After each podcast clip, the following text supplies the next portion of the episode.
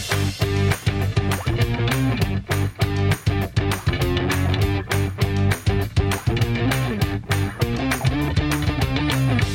Dit is NFL op woensdag, een wekelijkse podcast over de NFL, de National Football League.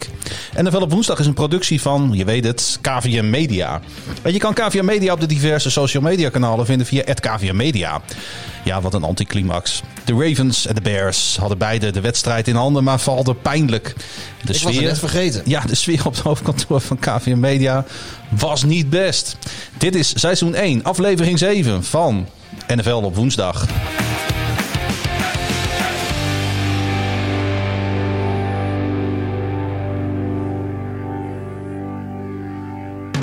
Nou, ik ben het niet vergeten, Pieter. Ik, eh, nee, ik was er eigenlijk net overheen. We hebben zoveel, eh, er is alweer zoveel gebeurd sinds zondag. Ja, maar jij bent het gewend om te verliezen. Ja, dat is wel een beetje waar. Maar dan nog, ik, ja, er was zoveel gebeurd. We hebben zo, eh, zo hard gewerkt ook weer om deze podcast eh, voor te bereiden. Dat, eh, ja, ik had, ik had er even niet meer aan gedacht. Dankjewel. eh Ja, deze podcast wordt weer opgenomen in de avond en de nacht. Zodat hij eh, de, op woensdag in ieder geval beschikbaar is. eh, Ja. Voor eh, het publiek dat luistert naar nu, deze nu al legendarische podcast. jawel. Hey, er zijn weer een paar vraagjes binnengekomen. Daarmee wil ik beginnen. En goede vraag hoor, van, van Erwin van der Heuvel. Was wel leuk om even over na te denken vooraf aan deze uitzending. Hij zegt, we zijn ongeveer halverwege het seizoen. Nou, dat klopt wel. Op woensdag zijn we precies op de helft van. Ja. Is het, zijn we op de helft van 17 weken? Eh, ja, klopt. Precies op de helft. Hey, eh, wie zijn de halfway MVP, eh Depoy, dus de Defensive Player of the Year, eh, de rookies en zo, volgens jullie? Ja, ik heb, Waar beginnen we mee? nou, ik heb, ik heb al een rijtje, rijtje bekeken. Defensive Player of the Year is de, is de eerste. Ik geloof dat jij het daar een, jij het een stuk of vier, vijf eh, zelfs eh, meer dan ik. Ik weet ze niet meer precies. Weet je wat, we beginnen even, we, we gaan het rijtje even af. Want heb ik, we beginnen even met Offensive Rookie of the Year. Oké, je hebt een heel andere volgorde als ik. Maar, maar Oh, maar. sorry. Nee, ga, ga maar door, ga maar door. Ja, Ja, nou ja, goed. Ik leid, jij volgt. dat, zo ben ik. Een beetje zoals we het ook in bed doen. Ja, Ehm, ik, eh, ja, de Offensive Rookie of the Year. Er komt eigenlijk maar één naam bij mij naar boven. Dat is Joe Burrow. ja ik, ik zie jou Joe Burrow en ik eh, I raise you Justin Herbert. Ik vind gewoon dat... ja, ik, ik heb het vorige keer ook al gezegd, maar ik, Mhm. het is mijn ride or die. En eh, ik, ik, ja, ik, word er echt eh, heel vrolijk van wat Justin Herbert laat zien. Dus hij is eh, wat mij betreft mijn offensive rookie of the year. Ja, ik word er niet zo vrolijk van wat Joe Burrow laat zien. Hij wordt eigenlijk met de week beter. Dat is niet goed voor de andere teams in de AFC North. Maar we hoeven nog niet bang voor de Bengals te zijn. Als je met de kennis van nu komende april mocht draften, zou je dan Lamar Jackson of Joe Burrow draften voor de Ravens? Nee, Lamar. Maar dat komt, dat komt, nee, dat, ja, dat kan ik nu, dat kun je nu niet meer zeggen, want. Ja, ik heb gewoon gewetensvraag. Nou, nee, weet je, na het vorig jaar wat wij achter de rug hebben en al die geweldige wedstrijden, twee van, eh, twee daarvan heb ik live in het stadion mogen zien. Ik, eh, ik wil nooit meer terug eh, naar. once you go black, you never go back. Oké. En ik, ik zat nog even te denken aan die running back van de, van de Jacksonville Jaguars, James Robinson. Ik ben hem de laatste paar weken een beetje uit het oog verloren. Maar ik vond hem de eerste weken vond ik hem geweldig spelen. Ehm, dus ik ga wel even opzoeken hoe die, hoe die speelt momenteel. Had Jacksonville een bye week deze week? Ja, hè? Want ik kan me echt helemaal niks herinneren van Ja, Jacksonville. Ja, Ja, oké, nee, dan, dan ben ik niet helemaal eh, dement aan het worden. Nee, maar nee, ik, ja, ik, ik, running backs vind ik altijd. Het moet echt wel een heel uitzonderlijk talent zijn. Wil, wil dat in mijn optiek tenminste, want ik vind, ik vind running backs vrij eh, eh, vervangbare spelers. Nou, het is ook bij een team als de Jaguars. eh, Ja, maar dan, dan met nog. alle respect voor Edward Selaire. eh, die speelt natuurlijk wel in een, in een, in een gespreid bedje. Ja, maar, maar ja, nee, ik, ik, ik ben niet zo. Kijk, als Elliot die heeft natuurlijk een rookie seizoen gehad, wat, wat heel indrukwekkend was. En Saquon Barkley ook. Maar op de een of andere manier is, is, is de, het spektakel van, van de Adrian Petersons en de CJ2K's en, en, en, en, dat, en ja, dat is wel een beetje geweest. Ik word niet, niet, niet moet wel iets heel bijzonders zijn, wil ik vrolijk worden van een running back. En die, die Robinson heeft dat niet voor mij. De Defensive Rookie of the Year. Ik zat een beetje te twijfelen tussen eh, Jalen Johnson van de Bears en eh, Patrick Queen van de Ravens. Niet geheel toevallig. Ofwel. Maar eh, Queen viel vooral op in de eerste vier weken van het jaar. Is misschien een klein beetje weggezakt. Aan de andere kant, eh, hij is echt wel een sterkhouder van de sterke Ravens-verdediging. Ja. En eh, wie mij ook opviel was Antoine Winfield Jr., de safety van de Tampa Bay Buccaneers. Ja, ik, kan, ik kan niet echt kiezen nu al. Nee, ik vind Jalen Johnson, dat is natuurlijk een beetje, beetje Bears bias wat ik daar heb. Maar die, die laat echt hele indrukwekkende dingen zien voor een rookie. Hij heeft natuurlijk ook wel het geluk dat hij, dat hij in de secondary speelt van een, van een team. Dat al een, ja, het is een vrij goede secondary en ze hebben ook een goede defensive line. Dus daar, daar profiteer je dan automatisch een beetje van. Eh, Chase Young van Washington eh, en Ja. Jeremy Chin van de Carolina Panthers. Die wil ik ook nog noemen. Die laatste is eh, Defensive Rookie of the Month geworden in oktober. Dus ja, eh, aangezien het seizoen nog maar twee maanden oud is, als je een van die twee maanden al Defensive Rookie of the Month bent, dan zit je natuurlijk wel in de conversatie. Absoluut. Eh, gaan we naar de coach eh, of the year tot nu toe. En Ja. weet je, als, de, als onze vrienden van Green Bay niet eh, hadden gechoked tegen de Minnesota Vikings afgelopen weekend, dan was ik hier voor Matt LeFleur gegaan. Ik ben blij dat hij niet voor Matt LaFleur Nou, is, eh, goed, eh, afgelopen weekend was gewoon niet goed genoeg. Dus ik ga gewoon voor Brian Francisco Flores. De hoofdcoach van de Miami Dolphins, wel te verstaan. Nee, ik denk als je nu een coach... Ik, ik denk dat er op dit moment maar één echte kandidaat is. Dat is gewoon Mike Tomlin. Dat eh, is nog ongeslagen. Goed, we gaan naar de eh, compact nee, nee, play. Nee, nee, nee, nee, Hij is, eh, dat is mijn keus. Daar moet je het mee doen, eh KJ. Maar hij is ongeslagen. We hebben gezien aan, aan, aan teams als de Chiefs met, met Andy Reid... dat dat helemaal niet, niet, niet zo makkelijk is om, om tot halfweg seizoen ongeslagen te blijven. En Mike Tomlin die doet dat toch maar gewoon eventjes. Terwijl op voorhand hij niet eens favoriet in zijn divisie was. En ondertussen gaat hij aan de leiding in de, in de conference. Dus ik, ik vind daar mag je best je petje voor afzetten. Oké, waarvan akte? hey, eh, want eh, ik vind het al vervelend genoeg. Want als ik nu moet kiezen voor een comeback, comeback player of the year...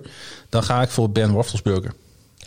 Eh, ja, ik, ik, ik had gehoopt dat ik hier Flacco kon zeggen, maar dat, die heeft het niet echt laten zien. Ja, ik had. Alex Smith eigenlijk ja, liever op dit ja. lijstje gezien. Maar helaas is hij het ook niet. Eh, ik heb nog heel even gedacht over J.J. Watt. Want die is natuurlijk eh, ook volgens mij meer dan de helft van volgend Ja. seizoen eruit geweest. Ja. Eh, maar ik denk ook, als je eerlijk bent, eh, is het gewoon Big Ben. Ja. En ik zou trouwens, denk ik... Misschien had ik, als, je- als je dit na een paar weken had gevraagd... Had ik, was ik misschien wel voor Cam Newton gegaan. Ja, na een week of twee, drie Ja. eh, dachten wij dat dat wel even wat zou worden. Ja. Nee. Het eh, mag niet zo zijn voor de Patriots. De Defensive Player of the Year. En daar heb ik wel een vrij duidelijke mening over. Dat vind ik echt met afstand, vind ik dat Miles Garrett, de defensive end van de Cleveland Browns. Ehm, Die speelt echt, Ja. echt, die is zo... die is trouwens vorig jaar ook een hele poos geblesseerd geweest. Dus Ja. technisch gezien kan die ook nog comeback player of the ja, hij, worden. hij is wel een speler die, die af en toe echt, echt gemeen, vies gemeen kan spelen. Maar eh, met die, met die, weer met die twee seks afgelopen eh eh, sacks, moet het wel even goed zeggen, anders krijg je weer commentaar op. Ja, hij is. eh, ik Het vind zou een beetje eh, puberaal zijn van onze luisteraars als dat zo was. ja, ik vind hem echt geweldig. En ik vind eh, in, de, in de slipstream van, eh, van eh, hem, Gatsidari, moet ik daar toch echt voor T- TJ Ward gaan. Eh, de, het broertje van, eh, van, eh, van, van onze vriend van Houston. De JJ. Ja, de linebacker van de Pittsburgh Steelers. Hoe ging dat daar bij de WhatsApp voor TJ en JJ? Ja, maar goed, sorry, ga verder. Ik, dit is een heel ander zijpaadje. Ja, ik vind hem echt ook een geweldig seizoen spelen. En eh, ja, weet je, eh, eh, niks te nadelen, nadelen van Aaron Donald en eh Khalil Mack hoor. Maar eh, Nou, ik, ik, ik, ja, Garrett, eh, staat met stip op Donald, één. Ja, Aaron Donald heb ik, heb ik één wedstrijd dan helemaal gezien. Dat was zoals altijd indrukwekkend. Khalil Mack zie ik veel vaker. Ik vind niet dat die bezig zijn met... Geen van beiden met Defensive Player of the Year seizoenen. Pro Bowltje zal er wel in zitten, een uitverkiezing daarvoor. Mhm. Eh, ik heb nog wel DeForest Buckner van Indianapolis... of eh Levante David van Tampa Bay. Eh, die, die doen wat mij betreft ook wel mee. ja, ik vind Buckner ook wel een. eh, die staat ook zeker op de shortlist. Ja. Als die zo blijft doorgaan. Ja. Ehm, Pieter, de Offensive Player of the Year. Eh, wat mij betreft, ik heb eh, daar drie namen waar ik nog een beetje tussen twijfel. Dat is eh, DK Metcalf van de Seahawks, Delvin Cook van de Vikings en natuurlijk Patrick Mahomes van de Chiefs. en Ik, eh, ja, ik, ik hoef dat trouwens niet, niet echt allemaal toe te lichten. Ik denk dat ieder Nee. deze namen voor zich spreekt. Ik wou daar graag Elvin Kamara van de, de running back van de New Orleans Saints aan toevoegen. ja. Die, die, want hij, hij is namelijk wel degene die opstaat daar en zijn team gewoon draagt. Want ze missen daar op dit moment zoveel. Ja, net als. eh, Ja, ik, ik heb net gezegd, ik ben niet per se enorm fan van, van, van running backs eh, op, op dit moment. Maar eh eh, Camara is denk ik wel iemand die ja, misschien ja, is wel echt, echt wel heel belangrijk voor, voor de Saints. En, en misschien ook wel onvervangbaar op dit moment. Meer dan, dan welke andere running back voor welk ander team dan ook, denk ik. Hey, tot slot, MVP, frontrunner. Russell Wilson. Ja, ik denk dat we, daar zijn wij het sowieso over eens, hè? Ja. Ja, ik, ik, er komt ook niet een andere naam uh, in mij op. Nee. nee. Ik, heb, het is, ik heb ook, uh, kijk, Patrick Mahomes, die heb ik uh, gezet in de, op de shortlist voor Offensive Player of the Year. Want hij speelt wel goed, maar ik vind hem niet zo sterk als vorig jaar. Lamar Jackson natuurlijk vorig jaar MVP.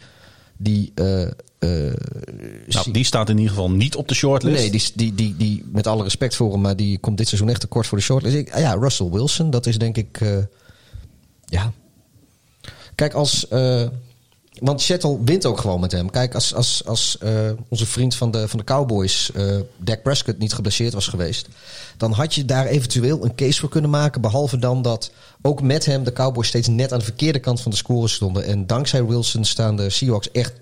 Die is ook dus ook echt misschien de, de, de meest waardevolle speler voor zijn team. Ja, omdat hij doorslaggevend is bij overwinningen. Ja. ja. Hey, uh, vraagje van Henk Kiel tot slot. Ik snap dat de NFL wat moet doen aan de vele blessures. Dat helmet-to-helmet aan banden is gelegd, dat is volkomen logisch. Maar de roughing the passer maatregel vind ik bij Vlagen wel erg overdreven. Wat vinden jullie? En moet er nog meer veranderen? Nou, um, ja, ik vind het goed dat, dat quarterback wordt beschermd. Maar ik vind wel dat, dat het verdedigen wel heel moeilijk wordt gemaakt voor... Voor de teams die dat graag doen. Ik zit dan ook een beetje in het kamp van uh, let them play. Uh, harde, zuivere hits, dat, dat is uh, denk ik iets waar we, in ieder geval wij, maar, maar denk de meeste van onze luisteraars ook toch echt voor naar de, naar de NFL zijn gaan kijken. zijn van de dingen die, die verkoopt. dat maakt het een, een mooie sport. Um, en ja, ik vind een beetje de, de spelregels zijn niet altijd even duidelijk. En waar ze wel duidelijk zijn, worden ze niet altijd even eenduidig gehandhaafd. Uh, dat zie je bijvoorbeeld heel erg bij holding calls. Mm -hmm. uh, die, op de een of andere manier worden dit seizoen uh, enorm veel meer holding calls gegeven dan in het vorige seizoen. Vooral de, de eerste vijf, zes weken. En want ik heb de cijfers van het afgelopen speelweekend niet, niet gezien nog. Maar dat is ja, ik, ik vind dat voor de teams die hebben geïnvesteerd in, in pass rushes, die, die, die, die zeg maar afhankelijk zijn van hun verdediging, die zijn een enorm in het nadeel. Want de spelregel is niet veranderd. Nee, maar dat heeft weinig te maken met blessures. Holding calls.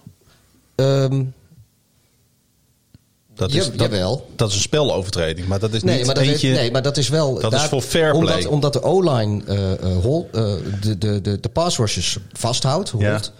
komen ze niet tot de quarterback. Hmm. En dat beschermt dus de quarterback. En dat zit natuurlijk in het verlengde van de uh, uh, roughing the passer penalties ja, die okay. moeten beschermen. Ja, je hebt natuurlijk verschillende en, holding uh, Ja, het gaat hier om offensive holding. Uiteraard, precies. Ja. En die regel voor offensive holding is niet veranderd in de afgelopen jaren. In ieder geval van vorig seizoen op dit seizoen niet.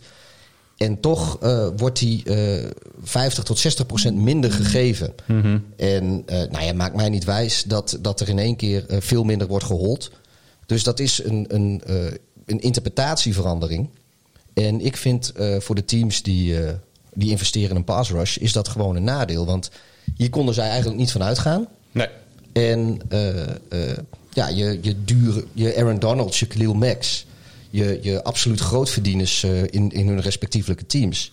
Die worden minder doorslaggevend gemaakt hierdoor. En ik vind dat ergens vind ik dat een kwalijke zaak. Oké. Okay. En ik weet, ik ben Bears-fan, dus er zit misschien wel iets van bias bij. Maar goed, het, het blijft erbij dat het wel nog even is. terug te komen op die uh, overdrevenheid van Worthing de Passer. Uh, ja. Nee, aan de ene kant vind ik dat dan niet. Aan de andere kant, ik snap het af en toe wel. Want met name natuurlijk als ze laag gaan, naar de, naar de voeten, naar de benen toe. Ja, dat is soms wel erg minimaal. Maar goed, aan de andere kant, weet je, als een enkel in het gras blijft hangen, dan is de quarterback er gewoon voor anderhalf jaar uit, hè? Ja, maar dat geldt, voor iedere, dat geldt voor iedere speler natuurlijk. Ja, oké, okay, maar de quarterback is meer waard. Ja, maar uiteindelijk player safety, uh, dat geldt, moet voor iedere player even hard gelden. Ja. Want als, als je de, de, de safety van een quarterback belangrijker vindt dan de safety van een O-lineman of een D-lineman. En we weten allemaal dat dat zo is dat, bij de NFL. Ja. Maar eigenlijk geef je dan aan dat het niet de player safety is uh, die, die je het belangrijk vindt, maar het product wat je wil verkopen. De, de, de value, value, safety is dat eigenlijk. Ja. ja. Maar goed, dat, uh, dat, kijk, dat is natuurlijk een publiek geheim dat dat zo is. Ja. Uh, maar ja, inderdaad, als jij als, als pass rusher zo'n quarterback tegen de grond weet en je doet er alles aan om niet met je volle gewicht op hem te vallen. En je krijgt alsnog zo'n roughing the passer call tegen. Ja, dan, dan huilt mijn hart wel een beetje. Hey, er was ook weer eh, COVID-nieuws uh, deze week. We kunnen er niet omheen. Uh, ik wil graag beginnen met een bericht wat ik las over de afdeling wedstrijdzaken van de NFL. Want ze hebben namelijk afgelopen maandag vergaderd over een noodplan. Waarin een nieuw playoff scenario wordt voorgesteld. Dit scenario bestaat uit een 16-team playoff bracket. Wanneer aankomende wedstrijden niet uh, gespeeld kunnen worden door de COVID-19-pandemie. Het huidige plan uh, om gewoon 256 wedstrijden in 17, misschien 18 in die nodig weken te spelen is trouwens ongewijzigd. Maar in het noodplan zouden acht teams uit beide conferences doorstromen naar de playoffs. Vier divisiekampioenen en vier wildcard teams. De playoffs hebben dan geen buys en de traditionele seeding zal ook genegeerd worden. Dus nadat deelnemers aan de playoffs bekend zijn, wordt enkel gekeken naar je winstpercentage, waarbij record in de eigen divisie geen rol speelt bij het bepalen van de wedstrijden. Het kan dus dan zijn dat de kampioen van de NFC East bijvoorbeeld de achtste seed heeft. Nou, dat de kampioen van de NFC East de slechtste seed heeft, lijkt me terecht. Ja, alleen in ja. de huidige opzet ja, hebben, ze dan, hebben ze dan nee, vierde seed. de vierde seed, ja. Uh, dus het gaat echt om, om winstpercentage. Ja. En dan vooral uh, het winstpercentage buiten de divisie. Ja, en dan willen ze dus nog een team toevoegen. De buy wordt ja, er dan uitgehaald ja. om het gewoon zo eerlijk mogelijk te maken. En omdat gewoon ieder team waarschijnlijk wel ergens te maken krijgt met COVID. Ja. Uh, ja, verruimt dat wat de kansen om mee te doen aan, de, ja, aan, aan het, aan het postseason. Ja, ik... ik ja, ik ben er wel voor. Kijk, natuurlijk ben ik het liefst gewoon voor dat het, dat het zo gedaan wordt als we dit uh, met z'n allen hebben afgesproken voorafgaand aan dit seizoen. Ja, en, met gewend, en met gewend zijn, want het ja, is soms al lastig genoeg. Ja, nou ja, goed, we hebben een extra team, maar uh, uh, ver, verder is het, is het wel redelijk hetzelfde. Mm -hmm. Uh, dat, dat, dat heeft mijn voorkeur. Maar inderdaad, mocht het zo zijn dat, uh, dat er uh, hele rare dingen gaan gebeuren dit seizoen wat betreft speelschema's en dat soort dingen. Ik, ik vind, ik, ja, ik, ik heb nu ondertussen zo verschrikkelijk de smaak te pakken dat ik ook gewoon wil dat dit seizoen afgemaakt wordt zoals het hoort met Uiteraard. playoffs en een Super Bowl. En ja, ik, ik kan ook eerlijk zijn, eerder zeg maar juni, juli Weet je, die tijd had ik nog zoiets van... ja jongens, als dat, dat seizoen is het, wel, is, het, is het wel verstandig om dat door te laten ja, gaan. Als geen, dat, geen publiek, lege stadions. Als ze dat naar de... Kijken er een beetje tegenop, hè? Als, als we naar het voorjaar verplaatsen bijvoorbeeld. Weet je, laten we alles gewoon zes maanden uitstellen. Kunnen wij naar Amerika reizen? Dat, dat, had er niks mee te maken. Dus totaal niet om, om eigen belang. Hoe, hoe durf je dat te insinueren? Maar eh, ja, nee, dat, dat is allemaal wel een beetje zo. Maar nu het seizoen gewoon bezig is, eh, maak het alsjeblieft af. Ik, ik, ik geniet met volle teugen. Ik wist eigenlijk niet dat ik het zo gemist had. En Ja. ik vind het mooi. Ik vind het eigenlijk wel een tof plan. Om gewoon inderdaad het op deze manier te doen. En winstpercentage is ook wel Nou. heel. Is, is wel een eerlijke manier. Ja, nee, maar het is toch ook wel eens. Het is ook. Laten we nou ook niet enorm eh, met complimenten of, of waardering gaan storen richting de NFL. Dat ze, dat ze god beet het halverwege het seizoen nog eens met een contingency zijn gekomen. voor als het misgaat vanwege COVID-19. Nou ja, goed. Hey, dan waren er ook weer spelers die op de COVID-lijsten verschenen. Ik denk dat de, de, de, toch wel de naam die eh, het meest is blijven hangen na dit weekend is eh, Baltimore Ravens star cornerback Marlon Humphrey. Hij is namelijk Humphrey, Humphrey, Humphrey. hij is positief getest op COVID-19. Dat is helemaal niet leuk. Dat meldde hij zelf op Twitter afgelopen maandag. Ravens coach John Harbaugh heeft al laten weten dat Humphrey eh, de uitwedstrijd tegen de Colts sowieso mist. En de Ravens zullen wel trainen zoals gebruikelijk, maar alle meetings zijn virtueel. Humphrey speelt afgelopen zondag tegen de Steelers alle 50 defensive snaps en is ook onderdeel van special teams. Dus gewoon een hele belangrijke speler voor de Ravens. En de Steelers, tegen wie de Ravens speelde, voor wie dat gemist heeft, hebben geen positieve COVID-gevallen overgehouden aan de wedstrijd tegen de Ravens vooralsnog. Nou, dat, eh, dat, is, eh, dat is dan goed voor ze. En ook bij de Green Bay Packers een positieve coronatest. Running back AJ Dillon. Extra complicatie is dat positiecollega Jamal Williams en linebacker Kamal Martin eh, in nauw contact staan met Dillon. Ze reizen wel eens samen, ze gaan wel eens bij elkaar op bezoek, ze gaan wel samen uit eten. Eh, dus dat wordt dan gezien als directe omgeving. Je zou haast denken dat je dat als team verbiedt. Dat, dat als een, een Nou- speler eh, dat hij niet met zijn directe positiegenoten nauw contact heeft. Want mocht er een. Het is onvoorstelbaar, Pieter. Want eh, weet je, dan heb je het over Marlon Humphrey. Dat is echt een grote speler in de NFL. Ja. Die is vorige week nog in een restaurant geweest. Ja. En in dat restaurant heeft een COVID, eh, was een COVID-geval waardoor het restaurant dicht moest. Was dat het krap restaurant waar we ook gegeten hebben in Baltimore? Ik heb die- geen die idee. Ik hoop niet dat het Max's Step House is in Fells Point. Ja, nee, dat hoop ik ook. Want als dat dicht gaat, dat is een, een schande voor. eh, ja. Of, de, of de Admiral's Cup. Daar heb ik ook wel eens wat gedronken. Nee, goed. ehm, nee, maar even, even zonder gekheid. Kijk, als, als, het is toch raar dat... dat eh, kijk, ik snap wel dat, dat eh, running backs of, of quarterbacks... weet je wel, die... die, die en, en nou, receivers en, en noem ze maar op, vooral die skillposities... En, en ook de- die, die zitten natuurlijk met elkaar eh, in dezelfde room. Die hebben dezelfde coördinator. En daar zitten ze... Maar weet je, op, op, op, bij de teamfacilities, op, op het trainingscentrum van die teams, dan kun je natuurlijk ervoor zorgen dat ze, dat ze zo ver mogelijk uit elkaar zitten als maar fysiek mogelijk in zo'n ruimte. En dat ze niet bij elkaar in de buurt komen. Ja, maar want, als ze in een hummer stappen en ze rijden weg bij de Ja, maar nee, hebben maar- ze natuurlijk totaal geen kijk meer op wat die nee, jongens maar doen. dan moet je toch als team expliciet zorgen dat ze dat doen. Want hoe, hoe stel je nou voor dat eh, eh, RG3 is natuurlijk de backup bij de Ravens. Mhm. Als die nou iedere avond gaat PlayStation spelen bij Lamar Jackson thuis op de bank. En in één keer blijkt een van die twee positief te zijn, dan moet die andere ook in quarantaine. Moet je in één keer met je derde quarterback spelen. Ja, Ik bedoel, ja, je zou. Maar goed, dit, dat is mijn rant hierover. Ik, ik snap niet dat die teams daar. eh, ik snap het ook niet. of want, misschien eh, doen ze dat wel omdat die spelers gewoon hebben gehad van ja, dikke vinger. Dat, dat kan natuurlijk ook. Dat kan heel goed, want eh, het, maar het is wel een probleem. Want de Packers moeten donderdag alweer spelen. Thursday Night Football tegen de 49ers. En het is nog niet duidelijk of Williams en Martin mee mogen doen. Nou, dan hebben die, die Niners ook een keer een break. Want die hebben volgens mij de hele ziekenboeg vol zitten. dat is ook wel weer waar. Maar het is, het, is, eh, het is een slechte zaak. En we zien dus gewoon dat eh, eh, de bubbel waar iedereen het over heeft... dus ook in de NFL gewoon niet gecreëerd kan worden. Nee, maar op dat, deze dat, manier. dat de NFL niet een bubbel had zoals de, de, het basketbal en het honkbal dat wel gedaan hebben. Dat, dat was wat. Die teams zijn gewoon te groot. En ja, dat, dat wordt wel heel lastig allemaal hoor. Ja. Ehm, ja. Hey, ehm, eh, de- laten we het maar ophouden over COVID. Want ik zag ook toch dat bij de Arizona Cardinals twee spelers COVID hadden. Nou ja, weet je, ehm, Nou ja, nu we het. eh, het, het, eh, het, het, is niet, het is niet in te dammen. Nee, nou ja, goed. Als we dan eh, toch. COVID is natuurlijk wel actualiteit. En dat is dan een klein bruggetje voor iets wat ik nog even wil, eh, wil zeggen, nieuwtje. Oh, nou. Eh, op dit moment zijn de, de verkiezingen in de Verenigde Staten natuurlijk in volle gang. Wij kijken met een schuin oog eh, op hoofdkantoor van eh KVM Media naar de CNN. Een van de vele schermen die, eh, die staat Ja. op CNN. Eh, ja, we zijn natuurlijk geen politieke podcast, dus we gaan verder ook niet, eh, niet praten over politieke voorkeuren. Mensen die me volgen op Twitter weten exact wat mijn politieke voorkeuren zijn. Ehm, maar de NFL, de NFLPA, dat is de, de NFL Players Association. En als het goed is ook alle teams hebben vandaag hun eh, facilities gesloten gehad. eh, deze, deze dinsdag, als de podcast wordt opgenomen. Zodat alle medewerkers van de teams en van de Players Association en van de NFL gewoon hun stem uit kunnen brengen. We hebben natuurlijk afgelopen weekend op eh, bijna alle velden al eh, eh, een, een, een boodschap eh gekrijt zien staan dat die mensen toch aanspoorden om te gaan stemmen. Vote. En ja, ik, ik vind het wel goed om te zien, denk ik, dat, dat, dat de teams en de, de spelers en de NFL zelf ook daad bij woord voegen en, en zorgen dat hun medewerkers ook daadwerkelijk kunnen gaan stemmen. Hey, voordat wij naar eh, ons eh, favoriete onderdeel, de NFL, maar dan snel gaan. Ja. Eh, misschien moeten we nog even de kelen smeren. Voordat we het weer gaan proberen om het allemaal goed in de podcast te krijgen. Ja. Hebben we nog wat lekkers van onze vrienden van debiertopper.nl gekregen? Jazeker. Ik, heb er, ik heb nog twee, twee mooie biertjes staan. Beide IPA's, zoals de oplettende luisteraar al wist. Ik heb een, ik heb een Ierse, die heet Fion. Dat is een double IPA.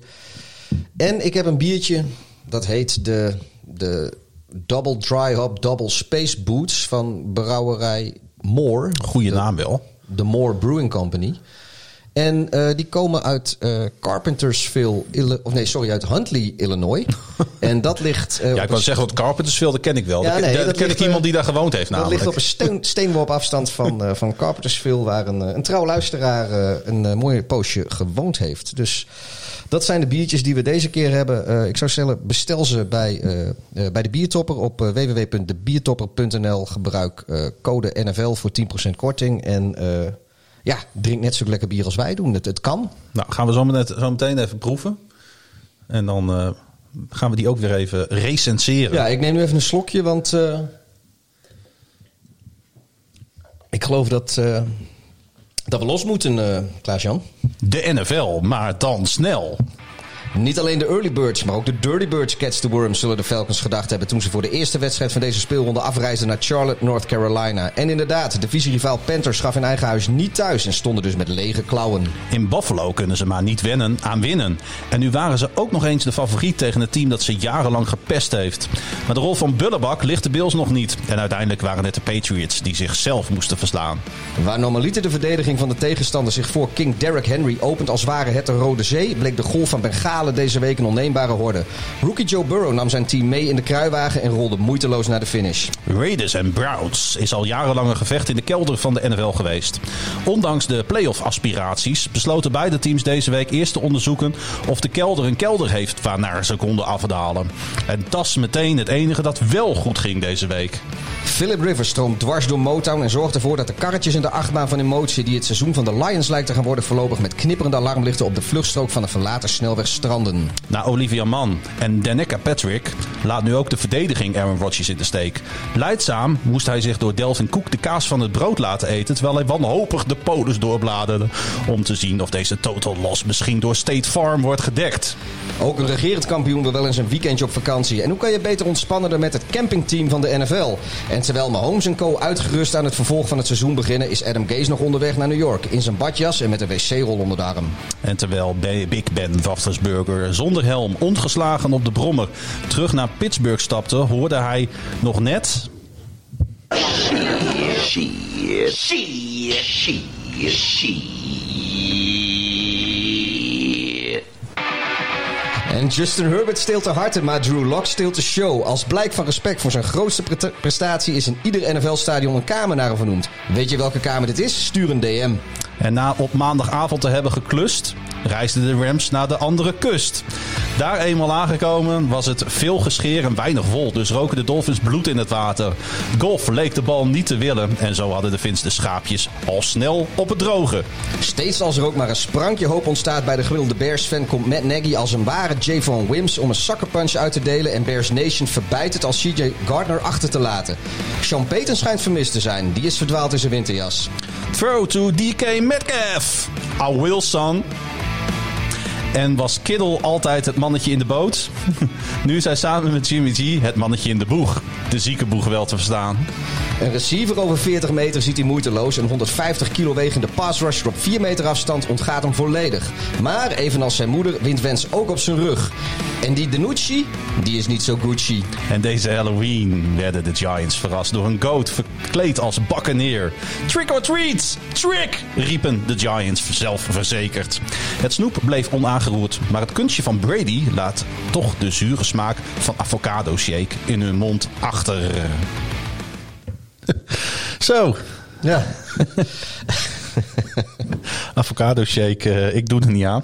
Ik ook niet, maar eh, Ik neem een slokje pils. het TB12-programma die, eh, die heeft geloof ik avocado shakes en, eh Ja, daar, en die, smoothies. daar gaat die prat op. Hè? Wie, wie, ging, wie, wie waren, er, waren, waren dat niet de Colts? Of zo? Wie waren er ook nog weer zo mee bezig? Was dat Peter Manning? Waren niet, niet, niet de Colts wiens ballen gedeflate werden? Of, Ja, dat, dat ook. ik zat even na te denken wie, dat, wie daar ook alweer zo eh, heftig Ja, mee Manning, bezig die, was. eh, die- Manning volgens mij ook. ja, die heet toch Papa John's? Ja. Oh ja, oh, dat is ook lekker. Dat Ja. heb je tegenwoordig zelfs in het noorden des Ja, lands. gaan we volgende week weer bestellen Ja, voorafgaand Papa, Papa de John's. Oslo Zuid. Hey, eh, we trappen af met uh, traditiegetrouw met de Monday Night Football. Uh, Tampa Bay Buccaneers speelde bij de New York Giants. De New York Football Giants natuurlijk. 25-23 werd het voor Tom Brady en co. Ja, volgens mij is regel 1 in NFL, Pieter, om nooit een tegenstander te onderschatten. Wat hun record ook is. En ik zeg niet dat de Buccaneers dat bewust deden tijdens Monday Night Football. Maar het was wel met de hakken over de sloot voor Tom Brady en consorten. Want uiteindelijk werd het een 25-23 overwinning voor Tampa Bay op de 1-7 New York Football Giants. Had, uh, had Tom Brady wel eens eerder op primetime in elk geval van de Giants gewonnen? Ik, ik kan hem twee Super Bowls herinneren. En volgens mij uh, zo her en der in het reguliere seizoen ook.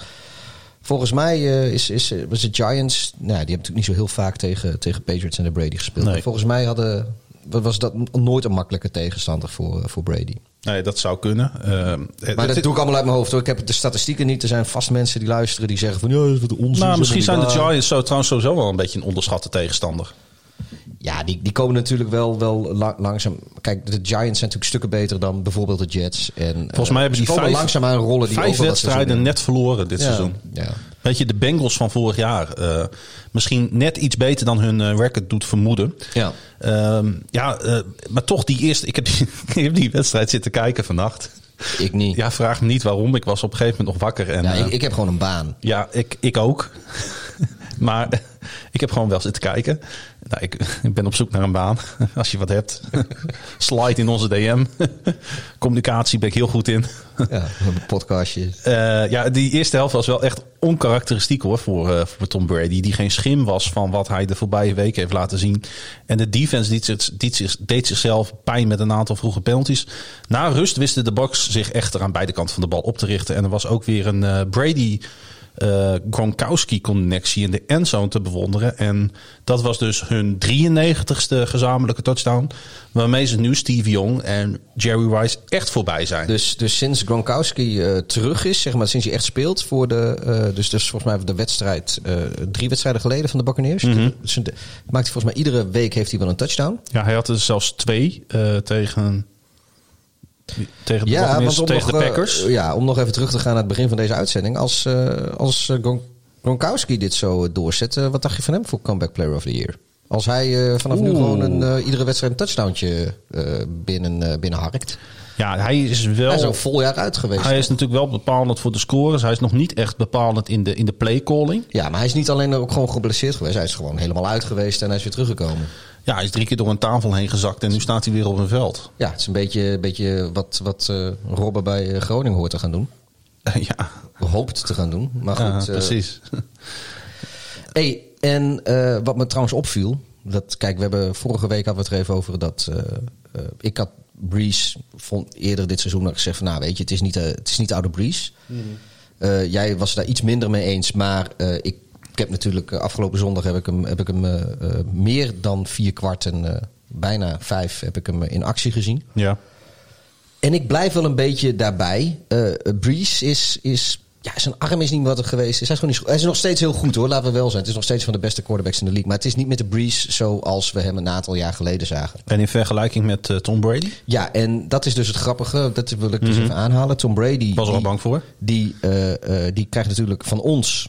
Eh, ik bedoel, ik rij eh, gezellig eh, op de Brady bandwagon dit seizoen. Ehm, ik zit denk ik vrij ver vooraan zelfs. Maar dat, dat, de consensus is een beetje dat, dat, dat Brady het gewoon heel goed doet dit seizoen. En dat Breeze het heel lastig heeft. Maar toevallig zag ik hun statistieken van afgelopen speelronde. En dan wou ik even aangeven dat ehm, Brady die heeft eh, 28 completions uit 40 pogingen voor 279 yards. Twee touchdowns en geen intercepties tegen de Giants. Waarvan ja, eh, de meeste mensen toch wel zoiets hebben. Nou, dat is een beetje een knakenteam. Met een redelijke verdediging. Ja, maar toch, weet je, het zijn geen wereldveroveraars. En dan heeft Drew Brees, die heeft 31 eh, completions uit 41 pogingen voor 280 yards. Dat is dus één, één yardje extra. Ook twee touchdowns en geen interceptie tegen de Bears. Die, eh, het, dat team als geheel zijn misschien ook geen wereldveroveraars. Maar die defense, dat is eh, wel een, een, een serieus stukje verdediging. Eh, dus ik, ik, dus ik, ik noem dit omdat ik het eigenlijk het, het verschil in, in hoe die beide spelers eh, gezien worden op dit moment wel, wel best groot vind vergeleken met wat ze in ieder geval afgelopen week lieten zien. En ja, de, de stats zijn vrij, vrij hetzelfde eigenlijk. Ja, dan ook nog even naar Giants quarterback Daniel Jones. Want hij speelde in de eerste helft ook onkarakteristiek, maar dan onkarakteristiek goed. In de tweede helft was hij echt weer de oude ik. Toen dacht ik, oh ja, shit, ik speelde in NFC East. eh laat Ja. aanpassen aan dat niveau. Ja, die, die, die eh, Big Blues defensie trouwens, ja, die speelde echt wel een prima pot hoor. Het waren eh, echt de collega's aan de andere kant. En, en daar, daar, het gaat wel heel snel over Tom Brady, maar ik wil het af en toe toch ook even over die Buccaneers defense hebben. Ja. Die waren echt beslissender hoor, met twee picks. En ze verdedigden ook nog succesvol een two-point conversion attempt op het eind van de wedstrijd, waardoor de overwinning kon worden gevierd. Want we moeten niet vergeten, het stond Nee, maar dat- 23-25. En de Giants hadden gewoon met twee punten overtime kunnen forceren. Dat- dat- het ja. had helemaal verkeerd kunnen gaan voor de. Buccaneers. Die trouwens bij nou rust, ik weet, wat stond het bij rust ook alweer? Ja, de- dan, ja met, de- met de C- Stonden ze op drie, drie punten of zo, de, de Tom Brady en de, de Bucks. Ja, Het, het was echt niet zo goed hoor. Nee, nee, nee. Maar kijk, het is natuurlijk, en dat, dat zie je heel vaak, eh, en bij, bij meerdere teams, dat, dat eh, kijk, de defense van de Giants, die was, eh, die was gewoon goed bezig. Ja. Tom Brady had het gewoon echt heel lastig. Maar je ziet dan toch, als, als de aanval niet, niet op gang komt, als daar geen ritme komt, ja, dan houdt een, houdt een defense dat gewoon niet vol. En dan Nee. vaak in het vierde kwart, dan, eh, dan stort de boel toch een beetje in elkaar. Dan worden die grote, die chunk plays worden weggegeven. Ik heb ook zitten kijken en ik dacht van, ik, ik kan nu ook gewoon mijn telefoon wegleggen. Kan gaan slapen. Dan is het- open ik morgen mijn telefoon en dan is er niks gebeurd. Want dan hebben de Buccaneers gewoon de wedstrijd gewonnen. En dat gebeurde dus ook. Ja, maar het, het, zo ging het niet helemaal natuurlijk. Als jij, ja, Nee. ja, precies. Ondertussen is eh, Antonio Brown onderweg naar zijn eerste minuten. Maar gezien eh, zijn off-the-field issues is het de vraag hoe lang hij op het roster staat. Wat, eh, ja, god, die of.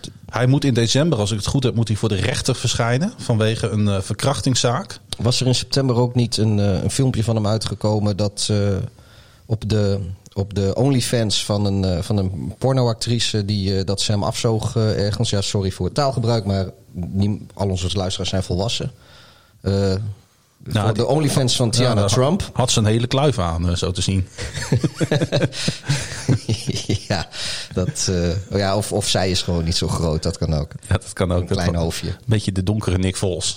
Maar, maar goed, ehm, dus, dat, ja, nee, nee, kijk, weet je, dat moet, dat moet die jongen helemaal zelf weten. En ik geloof dat Jimmy Garoppolo, die is ook wel eens op de foto, of is ook gefotografeerd, dat hij, dat hij met een, een, een pornoactrice op stap was. En eh Roquan Smith van de Bears, die is ook eh, wel eens op een bootje wezen varen op Lake Michigan met een, eh, met een pornoactrice. Ach, maar goed, dit, dat soort, maar die expliciete filmpjes, die komen dan niet bij die actrices op een OnlyFans. En dat was Nee. uiteraard bij Antonio Brown wel weer het geval. Want natuurlijk gebeurt dat bij Antonio Brown. Hoe kan, het dan zo, hoe kan het dan zijn dat Tom Brady zo voor hem voucht? Ehm, dat Tom Brady na- natuurlijk een van de beste quarterbacks ooit is. En op een, Als, op, eh, op, perfecte een, op, een Randy, schoonzoon. op een Randy Moss na. En eh God heeft nog natuurlijk zijn andere safety blanket. eh Wes Welker heeft natuurlijk voor hem nog gehad. Maar dat is natuurlijk in de, in the grand scheme of things geen, geen grootse receiver. Eh, eh, hij heeft Danny Amendola. eh, wie, wie, is, die andere? Aaron Hernandez. Nee, maar wat, wat ik eigenlijk bedoel te zeggen is dat, dat na Randy Moss, Nou, hij is heeft- qua rauw talent, is Antonio Brown natuurlijk de meest getalenteerde receiver. Waar, oh ja, Josh Gordon is ook heel even geweest. Oh ja, in- die hebben we ook nog gehad, maar jemig. Dus qua Ja. rauw talent doet dat wel mee. Maar ja, de- Tom Brady heeft natuurlijk sinds Randy Moss, heeft hij, heeft hij dus nooit meer echt die, die absolute top receiver gehad. En hij hoopte dat, denk ik, in Josh Gordon al te krijgen. Want qua rauw talent kon dat. En nu in Antonio Brown. En Hij had het met Edelman had hij natuurlijk wel een hele goede connectie. ja, hè? ja, ja dat, dat, sorry, die, die bedoelde Julian Edelman. Maar goed, weet je, die, die, ja, weet je, dat houdt ook een keer op. En, maar ook Edelman is natuurlijk... Hij heeft natuurlijk met Evans nu wel een top receiver. Hij heeft eh, Ja, eh, maar- Chris Godwin. Oké, die is dan even geblesseerd nu aan zijn vinger. Ja, maar, nog steeds, dat zijn niet... eh, Evans wel, hoor. Geen Randy Moss, dat is geen Antonio Brown, dat is geen Josh Gordon. Zeg maar op het hoogst van hun kun. Het rauwe talent, wat... wat nou, Randy Mm. Moss heeft dat eigenlijk zijn hele carrière wel laten zien. Maar kijk, wat, wat en, en Antonio Brown heel lang in Pittsburgh. Ehm, maar wat eh, Josh Gordon ook had aan rauw talent, misschien wel meer dan die twee anderen eigenlijk. Alleen ja, dat is er nauwelijks uitgekomen. Eh, eh, maar toch, weet je, dat Tom Brady, ja, ik, ik, ik kan me voorstellen dat hij dat gewoon heel graag wil. Maar ja, Bill Belichick en, en, en Kraft, die waren volgens mij niet zo fan van Brown daar in New England. Nou, hoe dan ook, het was wel een beetje een setback voor de Bucks.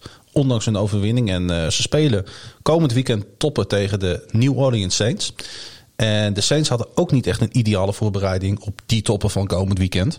Want, eh, nou ja, hoewel aan de andere Ze kant... gewonnen, toch? Weet je, als je je top, drie top receivers mist... en je weet in de kou en de wind van Soldier Field met een zegen te vertrekken uit Chicago... mag je ook gewoon niet klagen. Ja. Nee, ja. Ja. Ik- ja, daar ga ik, verder niet over in discussie. We gaan even verder naar- terug naar die wedstrijd. Want met nog 1,40 op de klok in overtime wist Will Lutz een 35-yard field goal te verzilveren. En daarmee waren de Saints dus verzekerd van hun vierde overwinning op rij en een 5-2 record. Eh, opnieuw moesten de Saints zwaar leunen op Elvin Kamara, die bijna zijn, in zijn eentje deed vergeten dat Michael Thomas, Marcus Callaway en Emmanuel Sanders er niet bij waren. Sanders trouwens zit met COVID thuis. Eh, hij ving negen passes, Kamara, voor 96 yards. En hij rende ook nog eens 67 yards bij elkaar. Waaronder die 20 yard burst in overtime. Waardoor de Saints opeens op de Bears 11 yard line stonden. En de wedstrijd over was. Dan vraagt Nick de Groot: Hebben de Bears na hun true colors, eh, na hun true colors laten zien, is de ineenstorting nabij? Wordt het weer tijd om Trubisky te brengen in plaats van Vos? Dus een wekelijks terugkerende discussie, niet alleen bij ons, maar eigenlijk op alle grote NFL-networks. Ik zag dat eh, een van onze grootste grote idolen, Kay Adams, die, eh, die riep ook al hinten naar, naar dat zij een voorkeur voor Trubisky op, eh, op Twitter. Nee, ehm, moet Vols plaatsmaken voor Trubisky. Ja, weet je, het is lastig. Het is volgens mij een beetje loodemouwt ijzer. Vols heeft een, een, een, veel betere eh, eh, diepe bal dan, eh dan Trubisky. En, en ja, Vols ook veel beter in het lezen van een verdediging. Maar het grote nadeel van Vols is dat hij is een standbeeld in de pocket. Ja, en veel te de- statisch, hè? en de O-line van de Bears, die is gewoon echt heel slecht. En nu hebben ze ook nog eens drie, vier blessures. Dus het is nu ook. Het was al niet al te best. En het is nu echt een bijeengeraapt zootje Ja, mij van, opviel, van hij- straatkrantverkopers geworden. En nee, maar, maar goed, kijk, Trubisky is mobiel. Ja. En op de een of andere manier, eh, eh, dat zag je. eh, de eerste paar wedstrijden waarin Trubisky startte, zag, je- zag je dat ook wel, omdat dat Trubisky wat, wat, wat mobieler is. Komt de O-line ook wat beter tot zijn recht. En dat kwam dan ook de running game weer ten goede. Volgens mij heb ik daar vorige week ook even over gehad. Ehm, maar ja, met, met Trubisky eh, hield de O-line zich beter en was de running game beter. Dus het is een afweging die je maakt. Ehm, gaan we. eh, want, want Trubisky heeft natuurlijk ook de nodige eh, nadelen als je, die, als je met hem gaat spelen. Dus ja, dus een afweging moeten maken. Kijk, mijn voorkeur, en dat hoop ik gewoon, is, is dat op de een of andere manier met Nagy ten eerste stop met playcallen. Want het is een goede headcoach en hij kan ook goede plays wel eh, verzinnen. Maar ik vind zijn playcalling eh, vind ik niet altijd even denderend. Nee.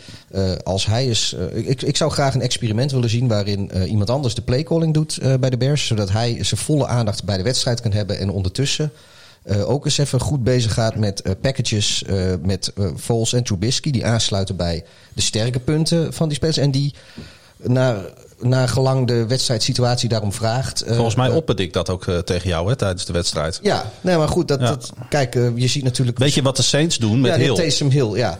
Alleen Taysom Hill is natuurlijk wel... eh, ja, die heeft wel een heel andere kwaliteiten natuurlijk Die is, die is wel heel explosief, hè? Ja, maar die, die heeft echt heel andere kwaliteiten. Ja. En, eh, maar, maar goed, kijk, Trubisky kun je niet op de lijn zetten als blokkende tight end of zo. En dat kun je met Taysom Hill, Taysom Hill wel doen. ja, dat is waar. Maar, maar toch, ik, ik kan mij niet voorstellen dat, dat, dat je niet iets kan verzinnen om meer hieruit te halen. Dus Misschien moeten ze wel wat gaan verzinnen, want het was het tweede verlies op rij eh, voor de Bears. Die overigens nog nooit eerder onder Matt Nagy in eh, november verloren.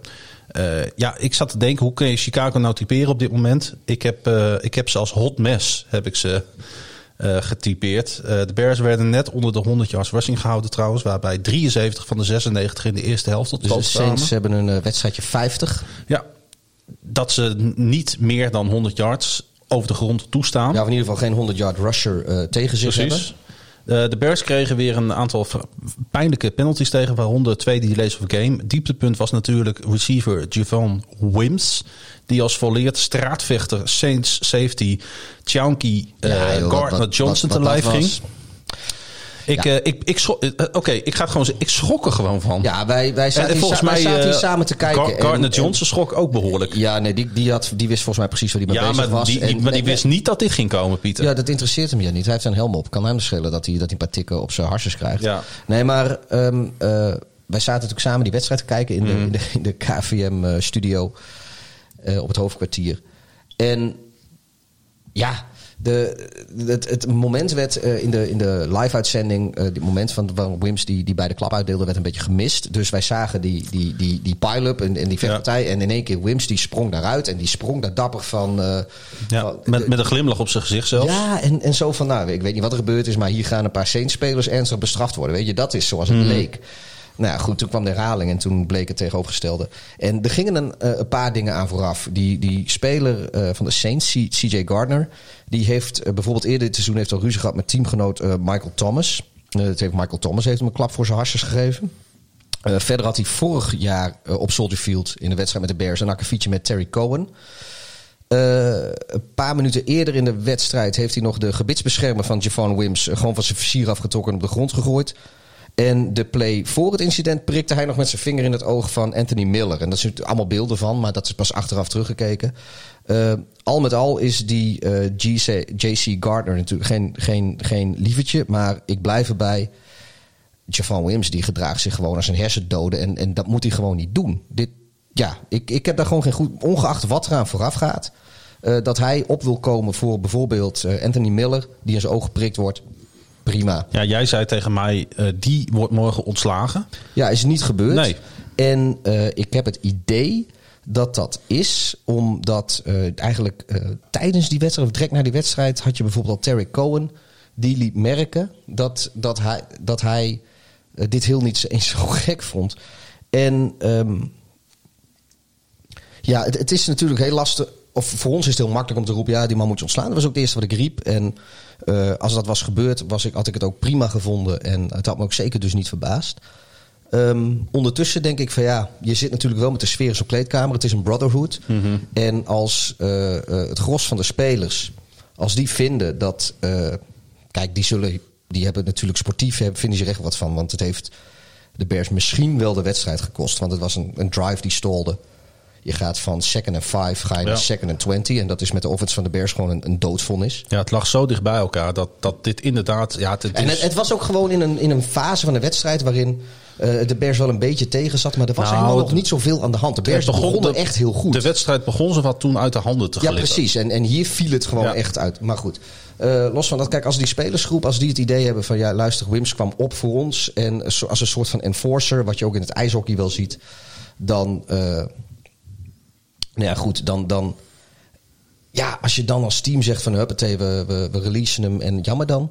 Ja. dan k- kan dat uiteindelijk misschien meer kwaad doen dan goed. Dus ik vertrouw op, eh, eh, op, op, op hoe de Bears dit oppakken. Want dit is niet iets wat je vaak ziet bij een organisatie als de Nee, Bears. ik ben benieuwd of hij op het veld staat komend weekend. We Dat gaan denk het, ik eh, niet. We gaan het zien. Want oh, nee, hij heeft twee wedstrijden schorsing gekregen, volgens mij las ik. Ja, en het best kans dat de, dat de Bears hem er nog een bijgeven voor de goede Ja, vorm. hij is eh, voor twee wedstrijden geschorst. Beetje een domme opmerking van mij. Eh, ondertussen is het altijd natuurlijk eh, dan leuk om te kijken wat de divisiegenoten tegen elkaar doen. De Minnesota Vikings speelden uit bij de Green Bay Packers. Ik wil nog wel even zeggen dat dat biertje uit, uit Huntley, Illinois, nu we het nog even over Illinois hebben, dat, die kan ik iedereen van harte aanbevelen. Dus, eh, Schenk, schenk mij ook eens een drup in. Ja, natuurlijk. Gaan we weer. soms, soms, soms krijg ik zo'n déjà vu, hè? Ja, jij, jij houdt hier ook wel van. Neem eens, oh. Neem eens, een, neem eens een goede slok, jongen. Nou ja, om- omdat jij het zegt. En dan, eh, Dan, kan- dan ben ik niet zo van het eten en het drinken. ja, en dan zal ik wel gaan vertellen dat wij eh, volgens mij naar eh, Minnesota op bezoek bij de Green Bay Packers gaan. Ja, dat was wel een pleister natuurlijk een beetje op de wond van Chicago. Want ehm, verlies voor eh divisierival Green Bay, eh, Pieter. Ja, nou ja, kijk, die had natuurlijk eigenlijk in het eh, Of vroeg... uh, dikke is wel wel lekker, hè? Ja, hij is echt Zo. heel lekker. Die, die had eh, Green Bay Goeie sponsor. Green Bay had in het vroege, vroege window al verloren. Dus eigenlijk konden de Bears met de winst weer gewoon eh, lekker de leiding in de divisie pakken. Dus in dit geval hielp het niet. Maar dat Green Bay verloor, ja, dat is, ja, weet je, dat is wel prettig als, je, als je zelf ook verliest. Ja, want eh, als eh, Delvin Cook op stoom is, moeders, houd uw dochters dan maar naar binnen.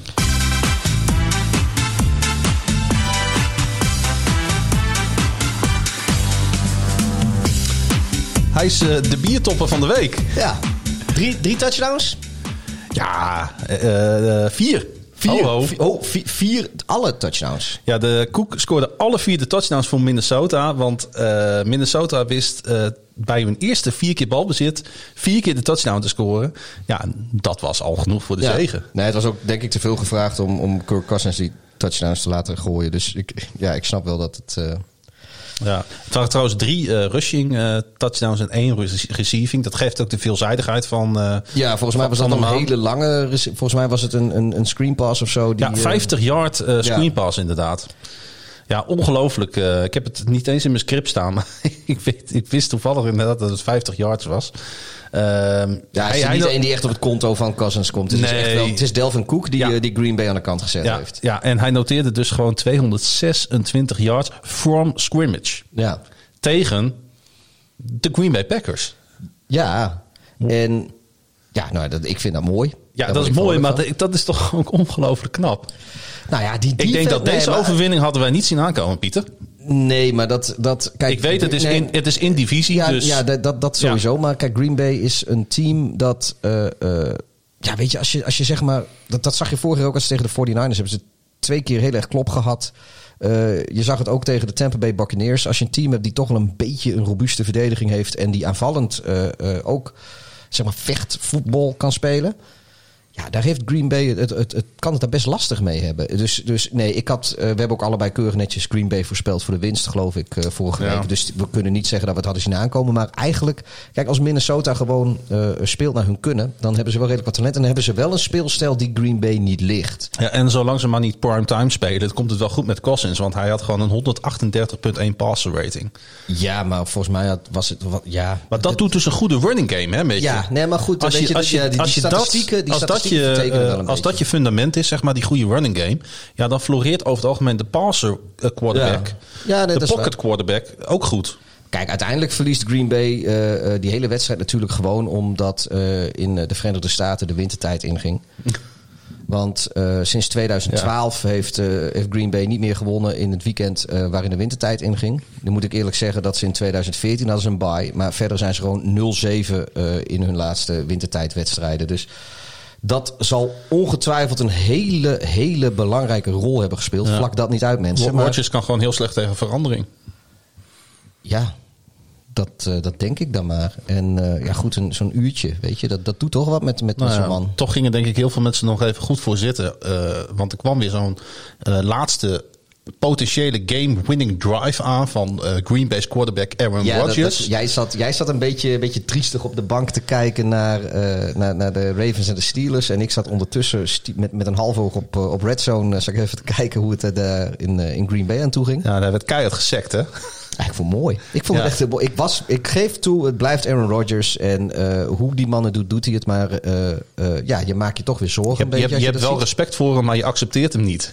Daar doe ik helemaal, helemaal geen uitspraak over. Of accepteer je en heb je geen respect voor hem. Ik, ik doe daar gewoon geen uitspraak over. Zullen, Oké. we, zullen we naar de volgende wedstrijd gaan? Dat is hartstikke mooi, man. Beetje flauw, hè? Beetje flauw. Misschien. Ja, want eh, ook de vierde eh, NFC North ploeg kwam in actie. In eigen huis werd uiteraard verloren. De Indianapolis Colts. Net, net twee keer op rij gewonnen. Ja, Iedere keer als je denkt dat Detroit het lek misschien een beetje boven Nou, heeft, is precies. het toch gewoon weer niet zo. Ja, dat is inderdaad zo. Ze had, dit was trouwens hun zevende opeenvolgende thuisnederlaag op Ford Field. En eh, ze zijn al meer dan een jaar, hebben ze zelf niet gewonnen op eigen terrein. De Lions dus in Detroit. Nou ja, ik, ik, heb, eh, ik heb de Lions meerdere keren zien spelen in Detroit en alle keren verloren ze. Dus Zij zijn wel echt een heel slecht thuisteam. ja, ze zijn gewoon een heel slecht team. Oké, dat is ook weer waar. Het is wel waar, net op het moment dat je denkt dat de Lions op de deur kloppen, dan stellen ze teleur. Niet dat een overwinning op de Colts per se logisch was geweest, maar inderdaad, na back-to-back back-to-back wins on the road was de teleurstelling voor de fans waarschijnlijk groot. De Lions hadden weer eens de welbekende inzinking in het tweede kwart, met onder andere een Danny Shelton. Hey, die, Kennen we eh, nog? Ja, daar hebben, we- heb je, heb je, heb je vorige, vorige week een hele TED-talk over gehouden. Ja, waar zit hij ook alweer, de hoes? Nou, nou ben ik hem dus kwijt. Ja, nee, die hebben we vorige week gehad. We hebben straks een andere That Man, die Ja. is ook hartstikke leuk. Dat was vorige week. Ja, De Who's That Man. Eh, eh, ik, ik zag hem voorbij komen in een verslag. Ik denk, nou, ver- verrek, daar zul je hem hebben. Ja, wij- zo, zo, kom, zo wij, denk je wie spelers, wij maken spelers groot in deze podcast. Maar hij wij had, spelers groot. hij had namelijk een eh, unnecessary roughness penalty op third down van Indy. Ja, nou ja, goed. En toen Dat verbaast me niks. ging het. ja, had ook ik, van, nou, ik had al gezegd, ik zei vorige week al hè, dat, dat zijn eh, productiviteit eh, al danig aan het ja, hij, interen hij, is. hij, hij is wel over zijn, over Hij top. is echt over de top heen. Danny Shell. Ik, zou, als, ik weet, nou, ik weet bijna zeker. eh, wij zijn daar geweest in Detroit. we hebben daar vrienden gemaakt. Dus als jullie luisteren, vrienden uit Detroit en omgeving. Ik zou Danny Shelton nu toch echt laten gaan. Ja.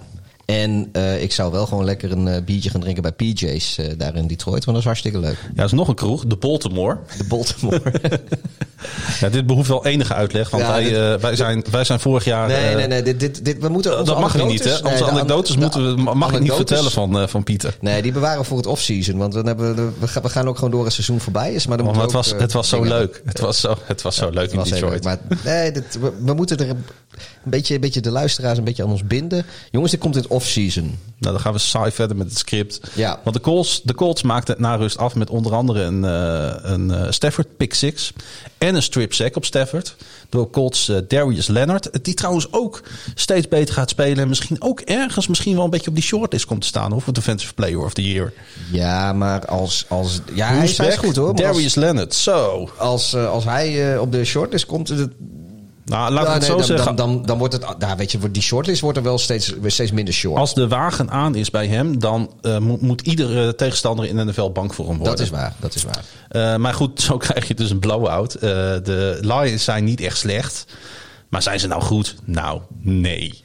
Ik denk, eh, het is, wordt een seizoen van middelmatigheid. Maar ze Ah, zijn, ze zijn het- technisch gezien natuurlijk nog steeds contender. Voor een wordt, playoff spot. Het wordt een 8-8 seizoen. Maar eh, voor de, de fans van de Lions en ook voor ons als neutrale kijkers wordt het niet zo'n saai 8-8 seizoen, denk ik. Er gaat eh, van alles gebeuren. En dat vind ik altijd toch een beetje het leuke van de Lions. Eh, of ze nou winnen of verliezen, het is eigenlijk nooit saai. Nee, dat, daar heb je absoluut gelijk in. En de Colts eh, zijn misschien wel voor real. Maar, dat maar die moet- vind ik dan wel weer een beetje saai. Ook al winnen ze, vind ik ze wel saai. Dat klopt. Het, het, het is ook een team zonder uitstraling. Eh, Kunnen we gewoon zeggen. weet je, ja, als je je team midden in de nacht verhuist, dan ben je ook gewoon een scheidteam. Ja, maar ik kan echt zo voorstellen dat ze een keer naar het eh, pittoreske Indianapolis wilden. Want dat Baltimore dat is ook niet altijd... eh, Nou, het moet in ieder geval blijken in de komende vier wedstrijden ze voor real zijn. Want ze spelen tegen Baltimore, Pieter. Ja. Ze spelen twee keer tegen de Titans. Dan hoop ik wel echt dat de Ravens winnen. Want ik blijf erbij. Als, inderdaad, als je zoals een dief in de nacht vertrekt uit een stad. dan hoop ik dat voor de rest van je bestaan als vereniging. die stad en hun nieuwe club. eh, al jouw nachtmerries teistert. En zo is het. Indy kan in ieder geval wel steunen op die geweldige defensie. Ze zijn op dit moment derde in total yards allowed. Tweede in rushing yards allowed. En vijfde in points allowed. Daar word ik wel een beetje bang van. In de wetenschap dat de Ravens volgende week tegen ze spelen. Dat zijn Ja, echt hele goede cijfers. Ja, En ze noteerden tot nu toe ook nog een league high 11 intercepties. Maar- en als je Lamar Ja. hebt zien spelen de laatste weken, dan Ja. eh, kunnen Nou, de Ravens hun borst nat maken. ik wil wel zeggen, kijk, de, de, de, de Colts die hebben. eh, ehm, ja, ik, ik weet niet precies uit mijn hoofd, maar die hebben niet een heel moeilijk programma gehad. Ondertussen zie ik dat 66% van de Amerikanen eh, climate change een probleem vindt. Ja, en je hebt ook mensen die ergens enthousiast over zijn. Zullen we gewoon eh, verder gaan met, de volgende wedstrijd? Eh, want eh, waar de Colts dus wonnen, was het, ja, ik mag toch wel zeggen, toch een verrassende nederlaag voor de Titans. Ja, ik, ehm, nou, ik ga zelfs zo ver dat. eh, Ik heb hem gecallt, hè, de overwinning voor de Bengals. ja, maar goed, weet je. Een, Ach ja hoor, een dat doe ik een keer wat goed. Een stilstaande klok. Weet je wat, we houden ermee op op deze manier. Ja, een stilstaande klok staat ook twee keer per dag op de, op de goede Ja, tijd. gaat, dit, dit gaan we dus gewoon niet doen, hè? ja, dit te laat. Hey, maar dat voorspel ik. Nee, ho, ho, dat voorspel ik een keer goed. Ik vind het echt niet tof, eh, Pieter. Nou ja, zo, zo, zo gaan we. Het is ook mijn podcast. Oh. hey, maar eh, de Titans. Want eh, de Tennessee Titans, voor de duidelijkheid, wonnen met 31-20 bij. Eh, verloren, Nee, met, verloren. verloren met. Oh, ik heb het verkeerd in mijn script staan. Het was, eh, de Bengals wonnen met 31 En dan wil jij- God, jongens, wil jij het dus- zijn ook zoveel ja. wedstrijden die halsen door elkaar heen. Het het is, is, wel een beetje triest. Want het, een, het is de draak, zal mijn oma ja, gezegd hebben. Het is de draak, Mion. Nog een tien seconden te leden, geleden zit jij een beetje op, om, om respect te bieden voor, Je hebt voor dit. helemaal En gelijk. vervolgens eh, maak je weer een puinhoop van Ja, het is een beetje story of my life. Ja, dus nogmaals. Daarom ben ik ook de, op zoek de naar een baan. Titans verloren. Ja, niemand neemt je nog aan, joh. De Titans verloren. Het was niet de zondag van Tennessee. De aanval wist in de eerste drie kwarten slechts zeven punten te noteren. Die toch veel geprezen aanval van, eh, van, de, van, de, van de Titans. En de overige twee touchdowns later in de wedstrijd kwamen overduidelijk veel te laat. Special teams zoals Los Sant, waarbij zelfs de longsnapper valde. En de defensie liet toe dat rookie quarterback Joe Burrow van de Bengals de Cincinnati aanval 367 yards liet noteren. Ja. En trouwens, Cincinnati converten 10 van de 16 third downs. En daar zit ook wel een probleem voor de Titans al het hele seizoen. Hoor. Ja, dat is wel eh, dat is, eh, een van de dingen die mij ook hoop geeft voor, voor komende speelronde. Mm. Eh, spoiler alert, dan spelen de Titans tegen de Bears. Maar ehm, Is dat in Nashville? ja, Had jij daarbij willen zijn? ja, misschien, ja. Want hier zit wel... Hier, even, hè, want Hier even een pijn. stukje psychologie. Want hier zit pijn, Hier beste zit mensen. Daar heb ik acht jaar op gewacht. Eh. Ja, want hoe zit dat? Waarom eh, heb je er acht jaar op gewacht? Voor de mensen die, de, die, die, die, die schema's niet zo goed kennen? nou, de, de Bears zitten in de NFC, de Titans in de AFC. En dat betekent dat ze maar één keer in de vier jaar tegen elkaar spelen. En eh, vier jaar geleden was het dus in Chicago. En het is alweer acht jaar geleden dat het in, Nashville was. En de volgende keer in eh, Nashville is, dus 2028. Maar ik had met mijn eh, met familie afgesproken. Die, ik heb wat familie in Nashville wonen. En eh, we hadden zoiets van, nou, we gaan gewoon eh, naar die wedstrijd toe. Dat is al echt al eh, inderdaad een, een 7, 8 jaar geleden hebben we dat alles eh, besloten. Maar goed, eh, toen kwam, eh, kwam er een coronacrisis eh, om de hoek kijken. En eh, nou gaat het hele feest dus niet door. Maar niet getreurd, 2028 heb ik weer een nieuwe kans. Ja, maar eh, je kunt je in ieder geval eh, verheugen op de defensie van de Titans, die het niet goed doet. Eh, de defensive line van de Titans was ook niet bij macht trouwens om bij Joe Burrow in de buurt te komen. Nee. En als het ze dan uiteindelijk wel lukte, dan liet Joe Burrow zijn benen spreken. En weet je, die gast heeft wel nu al. Hij Luister. heeft iets over zich. Burrow die speelt echt als een number En die wordt met de pick. wedstrijd beter, hè? Ja, Burrow speelt echt als, een- als een nummer 1 pick. Ik denk de laatste keer dat ik eh, eh, quarterback zo heb zien spelen, zeg maar zijn rookie seizoen dat hij zegt van eh Cam Newton had dat een beetje. Die was volgens mij de nummer 1 overal. En eh, Andrew Luck, die ging volgens mij net boven RG3. Ik wou het zeggen, had Archie Free het ook niet een beetje in zijn... eh, ja, die had, maar, maar goed, die was volgens mij nummer 2 en Andrew Luck was de nummer 1. Maar zowel Luck als RG3, toen je die op een gegeven moment Mhm. zag, had je echt zoiets van... hier spelen nummer 1 overall draft picks. En dat eh zo langzamerhand begeer dat bij Joe Burrow ook wel een beetje te zien. Die, die speelt gewoon echt al, al volwassen. Ja. En ik denk niet dat er, zeg maar, sinds de eh, eh, Newton en Andrew Luck, die ondertussen alweer met pensioen is, kun je nagaan hoe, hoe lang dat geleden is. ja, of hoe kort een NFL-carrière kan duren. ja. Nou ja, het was, zijn- het eigen keuze natuurlijk. Maar goed, we hebben het te respecteren. Het is misschien ook een goede beslissing geweest van hem. Maar ehm, ja, ik, ik, serieus, er zijn eh, verschillende quarterbacks sindsdien eh, als nummer 1 pick gegaan. Sinds, eh, sinds, sinds Locke is volgens mij nog na Newton geweest. Of was het andersom? Nou, nee, nou, whatever. Eh, en dit is de eerste keer weer dat je zo'n nummer 1 overal draft pick quarterback ziet spelen. En je zegt van, kijk, Ja, het is, weet je, ik het, zie nu waarom jij als eerste van het bord bent gegaan. het is leuk om naar de Bengals te kijken. Dat Ja. is lang geleden. Ja. Ja, dat is gewoon. Nou, en niet alleen dat. Kijk, eh, als de Bengals nu ook nog eens goed worden. Ik bedoel, kijk, eh, ja, jij vindt dit misschien niet leuk. Maar, maar Pittsburgh die staat vrolijk eh, bovenaan in die divisie. En die kijken gewoon naar beneden. En als de Bengals nu ook nog eens goed gaan worden voor de tweede helft van dit seizoen. Ja. Dan gaan de, de Ravens en de Browns en de, de, en de Bengals. Die gaan elkaar nog enorm veel pijn doen. En daar gaat Pittsburgh echt nog veel meer van profiteren. dan dat ze tot nu toe al hebben gedaan. Ik ben er ook bang voor. Maar eh, ik ben iets minder bang geworden voor de Cleveland Browns. Want ik dacht niet dat de Raiders maar ook eventjes zo bij Cleveland zouden winnen. Maar dat was echt een ouderwetse pot. Het deed mij een beetje denken. eh, ik heb toen veel gekeken aan een jaren negentig wedstrijd. Ehm, ja, het zorgde toch voor een ouderwetse Raiders overwinning. En eh, eh, trouwens, eh, John Gruden zei dat ook. Hij zei, ja, we gingen een beetje terug in de tijd met een old school attack. Wat, wat, eh, wat bedoelt hij daarmee? Nou, Denk jij? Ik denk dat hij gewoon bedoelde dat, ze, dat zowel de, de, de Raiders als de Browns eh oldschool slecht speelden. Op de manier. Ja, nee. Ik, Nou, ik vond je- de Raiders echt niet oldschool goed. Maar wat ik, wat ik zag, nou, ik heb die wedstrijd zitten even teruggekeken. Omdat ik geïnteresseerd ben. Ja, ik, heb, ik heb alleen de hoogtepunten gezien en die waren. Nee, ik heb, hem, ik heb hem teruggekeken in 40 minutes. Omdat ik toch graag een beetje op de hoogte blijf van de teams die bij de Ravens in de divisie zitten. En wat ik bij de Raiders zag was afwisselend zo'n eh, three receiver set. Eh old school double tight end sets. En dan ondertussen kiezen voor je running game. Ja. Weet je, en er werd ook gerend, want de Raiders pakten 208 yards. En daarmee putten ze dus de Browns defensie helemaal uit. Ja, en er bleef heel weinig tijd over voor Mayfield om ook zijn kunsten te vertonen. Die een geweldige offensive line tot zijn beschikking had. Want volgens Pro Football Focus was dit de beste prestatie van een offensive line in pass protection sinds 2013. En ze scoorden maar zes punten.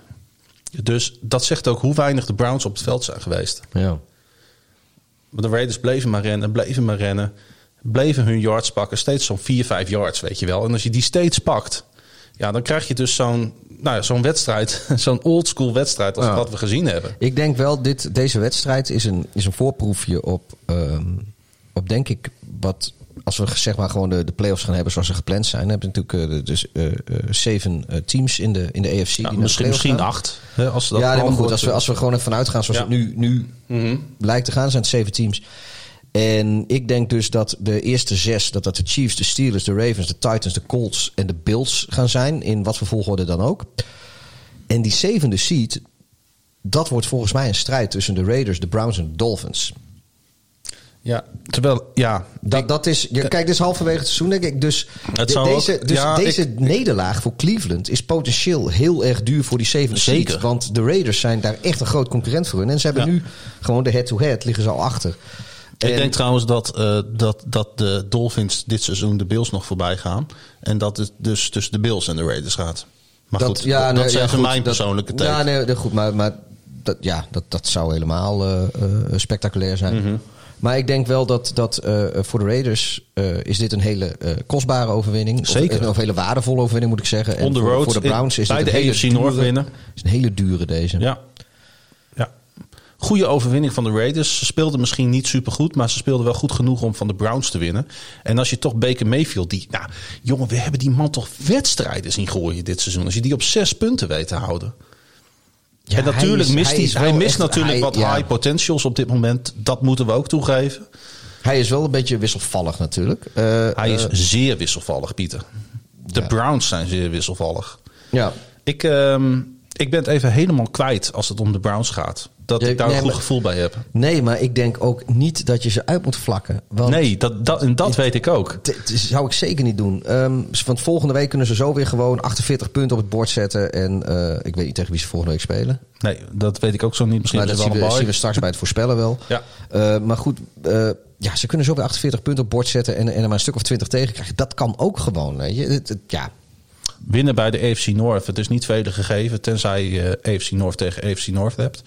Dat hadden we afgelopen weekend met, ehm, Of als je de Chiefs bent. ja, met de wedstrijd tussen de Steelers en de Ravens. 28-24 werd het voor Pittsburgh. En ja, het kwam zoals zo vaak in de NFL aan op de laatste play. Hier had Lamar Jackson zijn team langs de Steelers kunnen gooien. Maar Minka Fitzpatrick, die sowieso een geweldig seizoen speelt. Als, over defensive players of the year gesproken. Tikte de bal weg voor Ravens wide receiver Willie Snead in de endzone. En ehm, ik wil hier een aantal dingen over zeggen. Want één, de Zebra's hadden hier een flag kunnen gooien. Omdat de helm van Fitzpatrick toch duidelijk contact maakte met de helm van Snead. Maar ik vind vooral dat... ehm, ik had het idee, al een paar seconden na die play, van Lamar had hier eh, van mij de pocket uit mogen gaan. Tijd moeten winnen en op zoek kunnen gaan naar een wide receiver die vrij staat in de endzone. Wij hebben die play natuurlijk samen zitten kijken. Ja. Het was loei spannend op het eind, want de Ravens kregen de bal nog een keer. Dat was echt een thriller. Ja, als je die wedstrijd zo een beetje bekijkt, het was, het was slopend, het was sloppy, het was, het was hard, het was niet mooi, het was soms ook weer wel mooi. Ja, ik had, Maar eh, die, die laatste play, eh, waarom gebruikt Lamar daar zijn benen niet? Want hij had daar zoveel tijd mee kunnen winnen. En dan wacht je gewoon een goede quarterback. En Aaron Rodgers bijvoorbeeld, die wacht dan totdat er een receiver vrijkomt in de endzone.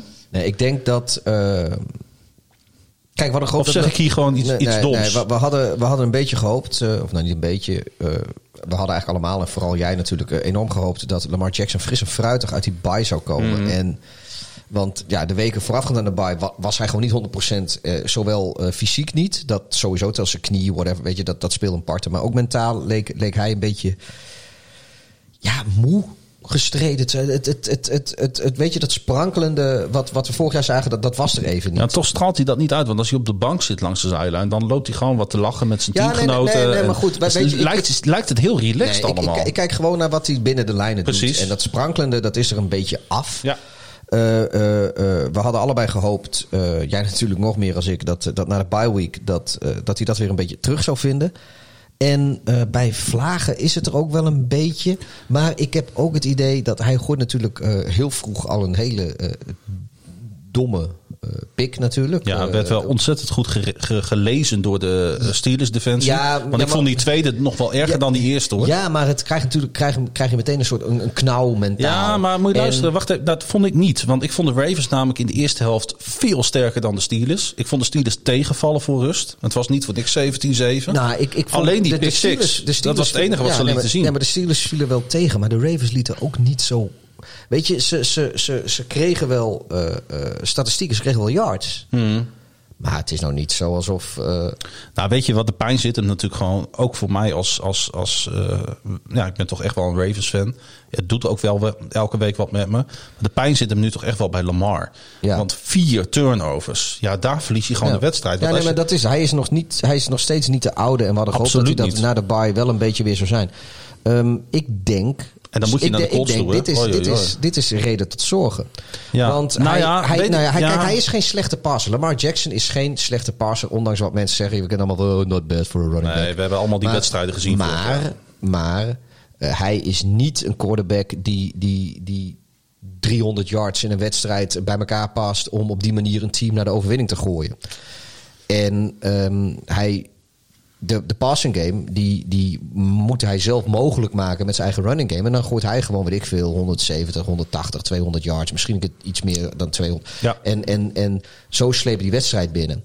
Nou, maar maar da- als... naast, naast dat, die running game van de Ravens noteerde dus gewoon 265 yards over de grond tegen de nummer 2 run defense in de league. Ja, maar je hebt er uiteindelijk niks mee. En Nee, ja, weet je, ehm, ik, ik, ik denk, dit is wel een beetje reden tot zorgen. En ik denk eigenlijk dat eh, de prestaties van, van vorig jaar het reguliere seizoen, dat dat misschien iets boven het niveau van dit team was. En dat ze, dat ze misschien nu, ook omdat de tegenstanders een beetje weten hoe ze spelen. Kijk, die, die playbook is bekend, er zijn beelden van. ja. Eh, eh, ik denk en dat het huidige Baltimore, dat dat dichter. Nou, ik zeg niet dat dit, dat dit dat hun niveau is, maar ik denk wel dat ze, dat ze dichter bij. Ik, laat ik zo zeggen, wat ze vorig jaar deden was niet misschien. eh de, de, de, de, de eh, realiteit van hun talent misschien niet helemaal Maar het begint, het begint En- wel te schuren, hè? want Hollywood Brown die twitterde eh tien minuten na de wedstrijd van waarom hebben jullie mij als jullie me niet gebruiken? Dus het begint nu ook binnen het team begint Ja. frustratie te ontstaan. Kijk, het is heel makkelijk om een, goed, een, een goede chemie in het team te hebben als je wint. Ja, En als het mee Mhm. En dat zie je al. En, en, maar het is natuurlijk. eh, eh, kijk, en ik, ik geef Harbo eh, daar alle vertrouwen. Want die, die drukt dit soort onzin snel de kop in. Ja. Dat, dat geloof ik wel. Want, maar inderdaad, op het moment dat er wat stroef. Dus dat, kijk, dat, dat is zo'n jongen die is het niet gewend om aan tegenslag nog in de NFL. Dat heeft hij nog niet meegemaakt. nee, dat is waar. Maar eh, de Ravens kunnen gewoon niet vertrouwen op hun passing game op dit moment. En dan heb je Nee, echt wel een probleem. nee, maar dat- dat- dat konden ze vorig jaar ook niet. Maar toen rende Lamar precies. zelf die yards wel Nee, binnen. maar dat zeg ik. Als het, dus als het vertrouwen Ja. voor die running game en voor zijn rennende capaciteit een beetje weg is bij Ah, het was wel dat er niet helemaal in zit. Het was exemplarisch, Pieter. Want eh, ik heb jou al vorige week al meegenomen naar die 4-2 situatie in Seattle. Eh, toen de Ravens, eh, toen Lamar naar de zijkant ging en toen zei John Harbaugh tegen Lamar Jackson van, wil jij ervoor gaan? Zei hij, hell yeah. En hij sprong het veld in. Hij rent gewoon vanaf 4 en 2. Niet eens de nieuwe first down binnen, maar gewoon de touchdown binnen. En Ja. wat gebeurt er deze week? De Ravens staan op 4 en 3. En Lamar doet het, probeert het weer te doen. En hij begint aan een kansloze exercitie. En de Steelers hebben gelijk door wat hij doet. Dus het is ook zo dat, Steelers, of dat eh, tegenstanders hebben net even wat beter door wat hij aan het doen is. Maar ik wil eigenlijk even weg bij de Ravens. Want Ja, de, ik ja. vind het, ik, dat doet geen eer aan de Steelers. Die gewoon de eerste 7-0 start in de franchise hebben sinds 1978. En we moeten het inderdaad toch ook even over coach Tomlin hebben. Hij behaalde namelijk zijn 140ste regular season overwinning. En dat vinden ze in Amerika op de een of andere manier heel belangrijk. Hij staat nu gelijk met Tony Dungy voor de meeste overwinningen voor een donkere headcoach.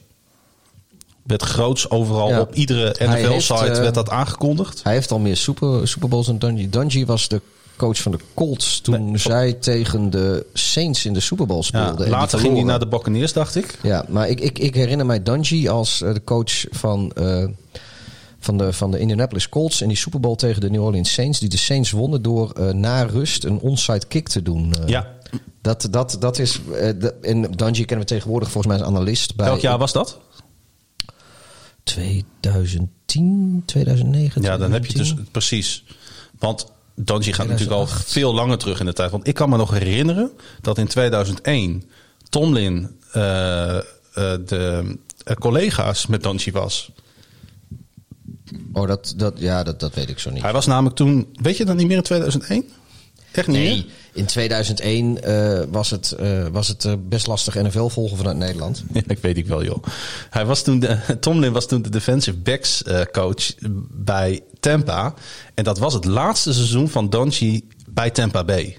Was het, dat was, nee, dat was niet meer de, de NFC Central tijd van Tampa. Nee, Tampa dat zat niet al, meer. nee, dat Nee. was ergens tot 98 of zo. Juist. ik. Maar ik, wat ik eigenlijk wil zeggen is, uh, Donji is er heel lang meegegaan bij diverse teams. Maar Tomlin, ja, ik weet niet, ik, wil, ik weet echt niet waarom wij het erover hebben. Want ik vind huidskleur helemaal niet interessant. Nou ja, kijk, ze hebben in de, de- het is natuurlijk net als met eh, quarterbacks. Die, het, het wordt tegenwoordig wordt dat, wordt dat al, al wat beter. Maar je had, vroeger had je, was een, een, een zwarte quarterback was echt een uitzondering. Ja. Eh, tegenwoordig eh, ge- gebeurt dat, eh, zie je dat steeds vaker gelukkig. En, en ook hele goede. Wat natuurlijk logisch is. Want iedereen kan gewoon, of te laat ik zo zeggen, huidskleur heeft niet zoveel te maken met of je wel of geen goede quarterback kan zijn. In, in weerwil dus wat heel veel teams heel lang gedacht hebben. Dat, dat is gewoon waar. En datzelfde geldt ook voor headcoaches. Die, vandaar ook die Rooney Rule die in de NFL is. Dat op het moment dat jij voor een, voor een headcoach, headcoach positie interviews gaat houden... moet je eh, volgens de Rooney Rule moet je ook gewoon een, eh, een coach... eh, een, een, een zwarte coach of een etnische minderheid coach... ik weet niet of het ook, ik weet eigenlijk niet of de Rooney Rule ook voor Latino's bijvoorbeeld geldt... Maar je, je moet in ieder geval minderheden ook uitnodigen. Want In, die in, moeten ook in gewoon de Miami denk ik niet. Nee, maar, maar die moet je gewoon ook de kans geven, vinden ze. Want, want het, is toch, grap hier. Het is toch bizar dat. eh, dat nou, ik, heb geen, ik heb de statistieken niet bij de hand, maar het zou mij niet verbazen als eh 75% van de NFL eh, eh, eh, speler, eh, spelers van kleur zijn. En als je dan uiteindelijk kijkt naar eh, inderdaad tot lang geleden de quarterback-posities, of tot voor korte quarterback-posities, maar ook in de coachingstaf, hoe dan zie je dat niet terug. Je ziet niet de, de, de, de leidinggevende posities, of dat nou op het veld, en op de quarterback-positie is, of, of eh, in, in, in de eh, technische staf van, Ja. van de verschillende teams. General managers. Zie je de afspiegeling niet terug, zoals die onder de spelers is. Nou ja, het leeft dus wel echt bij de, bij de Amerikaanse pers. Dat wou ik eigenlijk even zeggen. Ja. En misschien is het dan goed dat er aandacht voor is. Maar ik denk dat wij vanuit Nederlands perspectief denken... waar hebben jullie het over? Ja, het werkt hier allemaal heel... Maar kijk, we hebben hier natuurlijk ook wel... Tenminste, ik, ik kijk er zo Ja, eh, nee, maar tegenaan. goed. Kijk, kijk, je hebt hier natuurlijk ook, ook heel veel eh, overheidsinstanties, niet, in de sport juist niet. Maar in overheidsinstanties die, die zeggen van ja, bij gelijk gebleken beschik, ge- bij gelijke geschiktheid gaat onze voorkeur uit naar een vrouw of een minderheid. En dat is weer het rare, waarin eh, Europa eh, de hele samenleving relatief socialistisch is in vergelijking tot de Amerikaanse samenleving. Ja, daar moeten ze daar niet zoveel van hebben over is het ja, is, maar is de sport in Europa weer super kapitalistisch? Ja. En dat is nou juist in Amerika weer heel erg socialistisch. Ja, daar heb je gelijk in. Want ehm, eh, daarover gesproken, over, eh, als we het dan toch even over geld hebben. ehm, left tackle Ronnie Stanley van de Ravens viel zwaar geblesseerd uit in die wedstrijd. Had net, Megatronny. ja, had net een hele grote zak met geld eh, gekregen van de Ravens. Zo'n 100 miljoen. Ja. Ja, en hij ligt met allerlei breuken in het been ligt hij op de bank. En hij... Hij kan in ieder geval zijn tranen drogen met dollarbiljetten. zo... ah, goed, het is, ah, dat was wel Nou, pijnlijk nee, om te nee, zien, joh, hè? dat- ja, Want nee, hij had dat echt je- pijn, dat- hè? dat- ja, maar dat gun je. Je ziet, we zitten die wedstrijd te kijken en je ziet ook gewoon direct dat het mis is. Ja, en dit zijn de spelers natuurlijk. Ja, dit zijn wel de, de standbeelden voor, de, voor zo'n team als de NFL natuurlijk. Of eh, als de Ravens. Ja, dit, dit, dit, dit zijn die, die unsung heroes, om het zo maar te zeggen. Precies, precies. Ehm, maar goed. Hij ja. moest het veld verlaten en eh, na rust liet Baltimore 21 punten toe. Wellicht mede doordat Pro Bowl linebacker Matthew Juden geëject werd nadat hij contact maakte met een zebra. Ja, deed hij volgens mij niet helemaal expres, maar, het Nee. was wel, maar het was wel dom. Het was wel dom. Hij was even helemaal had hij een rode waas voor de ogen. Ja. Eh, Het was nog geen Javon Wims, maar eh, hoe dan ook, eh, ik eh, ben er wel klaar mee met die Ravens. ja, zullen we de volgende wedstrijd pakken? Of Nee. moeten we nog iets over Pittsburgh hebben? Nee, ik, nou nee, over Pittsburgh hebben we het ook genoeg gehad, vind ik. Ik heb zo genoeg veer in de reet gestoken. Dus genoeg voor deze week. We hebben een aantal rookie-vragen binnengekregen. We leuk. hadden een oproepje gedaan vorige week van... nou ja, als je iets niet snapt in de NFL of je wil ergens wat meer uitleg over... nou, eh, stuur het dan in. En ik ben even kwijt wie het is, want het was alweer een eh, tijdje geleden... dat ik die vraag binnenkreeg op mijn eigen tijdlijn. Maar er vroeg iemand aan ons van... kunnen jullie uitleggen wat een lateral is? Ik had namelijk een filmpje gepost van een collegewedstrijd... waarin ongeveer 18 eh, laterals eh, achter elkaar plaatsvonden. Uiteindelijk werd de touchdown niet, eh, niet goedgekeurd uh, trouwens. Nee, dat was best wel triest, eh, was dat. vierde- en niemand weet nog waarom. De vierde lateral was een illegal pass. Ja, ik, ik, ik, ik zag het niet terug in dat filmpje in ieder nee, geval. ik, ik kon het ook niet zien. Maar, maar dat het camera-standpunt was ook niet ideaal. Eh, maar eh, eh, ik, misschien, ja, ik weet ook. Wat, wat is een lateral? Wat is dat? En, en wanneer vindt dat plaats?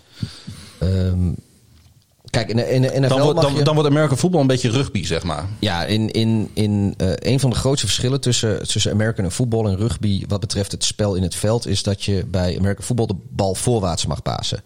Van achter de line of scrimmage mag je dat één keer doen. Dus zolang je, je mag niet meer voorwaarts pasen zo- zodra je voorbij de line of scrimmage bent. En het mag dus ook maar één keer gebeuren. Ja, wat Eh, is de line of scrimmage voor... eh, Dat, is waar de bal eh, ligt, zeg maar, voor aanvang van de play. precies, oké. Dat is zeg maar de nullijn. Van waar je voor het aanvallende team de, de 10 yards gaan tellen die je, die je in vier pogingen moet pakken. En wat, een, wat een lateral eigenlijk is, is ja, dat is nou, de lateraal, de, de naam zegt het al. Dat is een, een bal die in ieder geval zeg maar, recht opzij gaat, eigenlijk. Eh, eh, dus niet vooruit. Meestal in de praktijk gaat hij gaat achteruit een stukje voor de veiligheid. Eh, en zodra je voorbij de line of scrimmage bent en je hebt een bal, en dat mag in principe altijd, spelers doen het niet vaak, maar in principe mag je altijd die bal achterwaarts gooien naar een teamgenoot. Risico is natuurlijk wel als je teamgenoot hem niet vangt, of dat, dan is het een fumble. Als die bal op de grond is, het is een vrije bal. Dus de tegenstander mag hem ook oppakken. De tegenstander mag hem natuurlijk ook intercepten. Die Ja. mag hem, het, is, het is een vrije bal, dus het is heel riskant. Want als dat gebeurt, dan is het spel ook gewoon klaar. Want dan is hij geïntercept. Ja, nou ja, dan heeft de tegenstander gewoon de bal. Die kan hem dan teruglopen voor een Ja. touchdown. Of die heeft balbezit, wat, wat ze maar doen. Maar een lateral, wanneer vindt een lateral over het algemeen ja, plaats? En omdat er dus, het is een, een, een, een, een, iets met een hoog risico. Dus je doet dat in een verloren wedstrijd. Met je, eh, als je zeg maar meer dan drie punten achter staat. Mhm. En je moet, of je wil die wedstrijd per se winnen. En een field goal is niet genoeg. Of je staat buiten field goal range.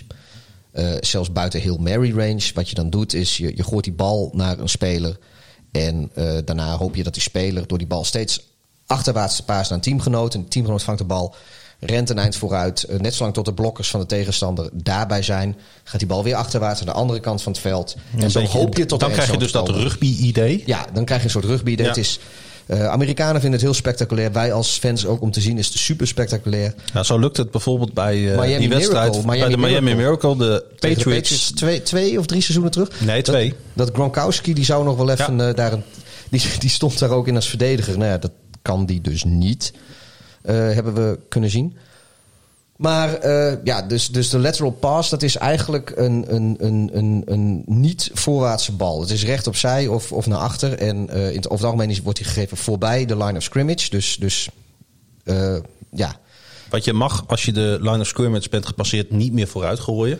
Dus Nee. het kan alleen maar achterwaarts. ja, En dan probeer je dus met achterwaartse basis toch de ruimtes te zoeken. Zodat Eh, op eh, een ja, gegeven moment ja. de speler in de positie komt. Om het dat hij opeens een, een, een, een, een schoon veld voor zich heeft. ja, of, ja, En door kan rennen. ja dat, dat is, eh, dat is wat, wat die lateral is. Ja. En dan nog een tweede vraag van Jorg Doornbos. Scheidsrechters heeft- hebben naast een gele penalty flag ook een blauwe.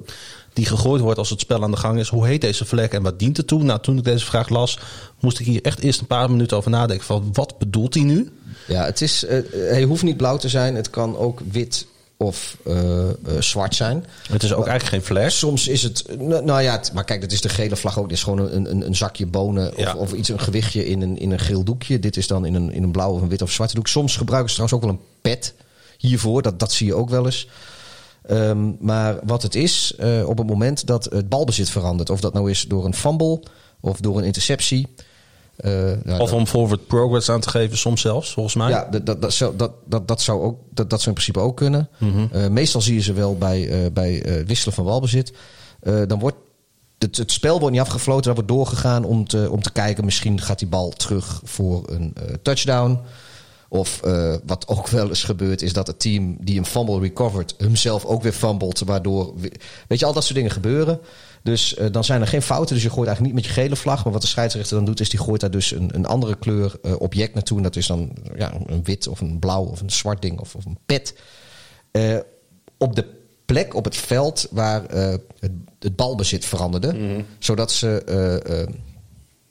mocht, mocht de play eh, verder niks, niks opbrengen, dan kunnen ze daar verder eh, met, eh, met waar ze gebleven waren. Ofwel omdat de, de, turnover misschien achteraf niet was wat het was. Of, of dat, dat Ja, het team een- die de bal, bal kort, mag ik het kort samenvatten? Dat Ja. het is een, eigenlijk een indicatiepunt. Ja, dat ze aangeven van, nou, daar heeft dit plaatsgevonden. En als ik dan straks over vier seconden of vijf seconden... of misschien wel over vijftig seconden nog weer terug moet naar... waar was dat ook alweer? Dan heb ik dat exact aangegeven op het Zou je dan als speler van, van de partij die, de, die dan in het voordeel Dat is... zakje verplaatsen. eh, Ja, daar zat ik ook al aan te geven. Ja, oké, in de NFL zal het lastig zijn met, Met al die 400 camera's. camera's, ja. Maar, eh, maar goed, Goed. dat, dat, dat was ook wat ik meteen dacht. Maar ik vond het, eh, toen ik er even over nadacht, toch een goede vraag, Jorg. Blijf dit soort vragen Ja. aan ons stellen, want eh, we zijn graag... Ik weet niet of onze, Ook wij wollige, leren. oh ja, of onze wollige uitleg altijd de beste is, maar eh, we doen in ieder geval onze best. Eh, de New York Jets eh, speelden bij de Kansas City Chiefs met 9 tegen 35. En de Chiefs wonnen uiteraard hun thuiswedstrijd. En de Jets staan misschien wel bekend als sellers, maar zeker niet als quitters. Want ondanks drie trades en eh, de high-profile release van running back Le'Veon Bell... Die niet zijn revenge game kreeg. Nee, nee, nee, zeker Een niet. handjevol yards Ja. had hij, geloof ik, hè? Maar eh, ik wacht weer toch even over Adam Gase hebben. Want hij gaf aan eh, dat... Met zijn met zijn wc-rol eh, onder de arm en zijn badjas. eh, schijnt dat hij nog steeds aan het wandelen is van, eh, van Kansas City terug naar, eh, naar New York. Ja, met slippers aan. Eh, ja, hij, hij zegt, ik, eh, ik geef gewoon niet op. Eh, de Jets stuurde linebacker Avery Williamson... trouwens zondagavond nog naar de Pittsburgh Steelers... voor een vijfde en een zevende ronde pick in 2022. Het geeft alles aan waar de Jets mee bezig zijn natuurlijk. 2022. Ja, 2022, ja. Ja. Ja, en dan, en dan, een van je, dan, dan, dan, trade je een van je beste linebackers weg. Ja. Ehm, De rijken worden nog rijker, want eh, dat is een heerlijke toevoeging natuurlijk voor de Steelers. Maar het zegt echt wel heel veel over wat er nu gebeurt. Hè? De Chiefs konden trouwens gewoon lekker spelen met de Jets. Eh, ik zag een fake punt voorbij komen van eh Panther Tommy terwijl Townsend. het in een gewonnen wedstrijd ook gewoon. Ja, maar ja, dan wil je hem proberen. En dan denk je, doe Ja, het maar in nee, deze. Ja, wedstrijd. tuurlijk. Want het is eigenlijk een beetje een soort van pre-season Ja, game die dan. al, ja, die hebben we ook al gemist. Nee, ja, ik, weet je, de Jets verliezen. Mahomes is goed. Er gebeurt niks nieuws. Het werd niet de Le'Veon Bell revenge game. Dat was eigenlijk het enige wat, wat op voorhand interessant was aan deze affiche. Omdat we allemaal van tevoren al wisten hoe dit af zou gaan lopen. Standtechnisch, alleen de manier waarop. Dat, eh, ja, weet je, dat, dat was nog even de vraag. Ehm, maar ja, het, het, het, enige positieve wat ik kan zeggen over de Jets... is dat ze dus Bell niet de kans hebben gegeven om, eh, om wraak te nemen. En ja, over KC, wat kunnen we daar nog over zeggen? Ze, Nou zijn, ja, ze dat- zijn het beste team in de AFC. Eh, Pittsburgh heeft een beter record, maar ik denk nog steeds dat de Chiefs het beste team in de AFC zijn. Ja, ondertussen zijn ook nog de teams in de divisie bij de Chiefs zijn punten van elkaar aan het afsnoepen. Ja. Want de Chargers verloren weer. Ja, ik zucht er expres bij, omdat op de een of andere manier gun ik het ze zo. Het werd 30-31 tegen de Denver Broncos en Drew Lock. Die dus in eh, ja, zo ongeveer ieder stadion van de NFL ondertussen zijn eigen eh, ruimte heeft gekregen. Naar hem vernoemd. ja. Eh, Stuur een DM als je weet wat het is. schreef ehm, Denver Broncos geschiedenis door zijn team naar een geweldige comeback te leiden. En uiteindelijk met de laatste play van de wedstrijd de Chargers met 31-30 te verslaan. Locke werd daarmee de derde Broncos quarterback die bij een achterstand van 10 punten of meer bij halftime en outscored in het derde kwart toch een overwinning bi- binnen wist te halen. En Peyton Manning is niet een van die andere quarterbacks. Nou, wou ik gewoon even gezegd hebben. Ik, eh, ja. Waarvan akte? De, Chargers verprutsten trouwens hun eigen seizoen op deze manier. Want de storyline van deze wedstrijd was toch wel dat, eh, dat er weer een defensive meltdown was van LA. Deze unit liet in iets meer dan een kwart vier touchdowns toe. En we kunnen er niet omheen. Anthony Lynn zit weer op de hot seat. Luister, eh, de laatste vijf jaar hebben de Chargers 38 keer verloren met één score of minder verschil. Wauw. 38 Ja. in, in vijf jaar tijd. Dus dat is 5 keer 16, dat is eh 80 wedstrijden. Mhm. Dus eh, daar hebben ze, eh, nou, ze zullen wel iets meer verloren hebben. Maar de helft van de wedstrijden hebben ze verlo- verloren met, met minder dan één scoreverschil. Dat is echt wel een, een definitie van net niet. De laatste vier wedstrijden hebben ze op een enig moment in de wedstrijd een, een voorsprong gehad van 17 punten, 17 punten, 16 punten en 21 punten afgelopen weekend. Eh, alle vier gingen verloren. Dat is een eh, NFL-record. Dus voor iedereen ook die dacht dat de Falcons het team waren die chokte... eh, daar leek het na drie, vier wedstrijden in dit seizoen wel op. Maar ook die voorsprong geven de Falcons weer uit handen. Want het zijn toch echt eh, de Chargers die, eh, die King Choke eh, Oh, op het moment is- zijn. Het is echt, het Maar is echt Justin heel pijnlijk. Herbert is Ja. fucking awesome. Ja, nog steeds. Die, je gunt Ja. die jongen wat beter. Kijk, het, het, aan wie het ook ligt. En hij gooit heus wel eens een interceptietje her en der. En, maar ja, Nou, ik je, vond dat hij aan die interceptie die hij gooide niet eens veel kon doen. Want die wide receiver stond er die als een, ja. die stond er als een, als een zak, zak met, met natte kranten bij. Eh. Ja, dat, dat, dat, ja, dat, dat Nee, eh, Justin Herbert is nog steeds awesome. Hij verdient beter. Aan de andere kant, eh, het, het, ik hij, verdient vind ook het- beter, ik- hij verdient ook beter dan jou en mij trouwens. Ja, helaas. Nou ja, ik, ik gun het Herbert wel, maar ik had mezelf ook zo gegund. Maar, nee, weet je, Ik vind, voor Her- Herbert leert hij wel veel van, denk ik. Ik bedoel, it, it builds character, om het lekker cliché te zeggen. Kijk, hij heeft wel de, de, de kans om, om zich te laten zien. En eh, dat vind ik mooi. Dus in die zin vind ik dat hij als rookie niet in een slechte situatie terechtgekomen is. Maar, eh hoi, wat gun je die jongen een iets betere defense. En als, de, als, weet je, als, ze- als ze het aan die kant van de bal uiteindelijk toch nog een beetje voor elkaar weten te krijgen daar in, eh, in Los Angeles. Ja, weet je, dan... dan Het is dan wel een gaan- naar volgend jaar, laten we het dan maar zeggen. Ja, dan gaan ze daar. Maar is, zit Anthony Lynn nu op de hot seat? Want je kunt hier ook de coachingstaf op een gegeven moment niet meer uit de wind houden. Ja, ik moet Ik eerlijk ben nooit zo'n fan van hem geweest trouwens. Ik als, weet niet als hoe lang- zijn uitstraling gaat. Maar Ik, ik weet niet hoe lang Anthony Lynn er al zit. Moet ik eerlijk zeggen. Hoe lang is hij daar al coach? Kijk, als hij er net zit, dan, dan geef je hem. Weet je, dan ga je hem nu niet wegsturen. Laat je hem even een poosje, poosje aanbakken en, en zijn eigen ding neerzetten. Als hij er een hele poos zit, wat ik net zei, als je. Normaal gesproken, als je veel wedstrijden in een seizoen verliest met één score of minder, dan middelt zich dat vaak in, in een seizoen daarna wel weer een beetje uit. Maar als je vijf jaar lang eh, de helft van je wedstrijden met één score ja, of het is toch al zijn verliest, derde seizoen. eh. ja, dan, dan is hij, zit hij dus zeg maar een goed deel van die vijf jaar die ik net zei. Van die, zit, zit hij er al. Ja, het, is, Ja, het, is dan- geen, dan- het is geen onervaren man. Hij is al sinds 2000 is hij coach in de NFL. Mhm. Maar dit is wel zijn eerste headcoach eh eh assignment. Wat was, eh, wat was zijn vorige functie? Hij zat volgens mij bij de, poeh, bij de Jets. Nou ja, niet volgens jou, dat kun je toch zien? Eh, Je hebt toch zijn Wikipedia of zo opengetrokken? Even scrollen. Ja, Oh. bij de Jets. Ehm, nee, ik doe gewoon alsof, joh.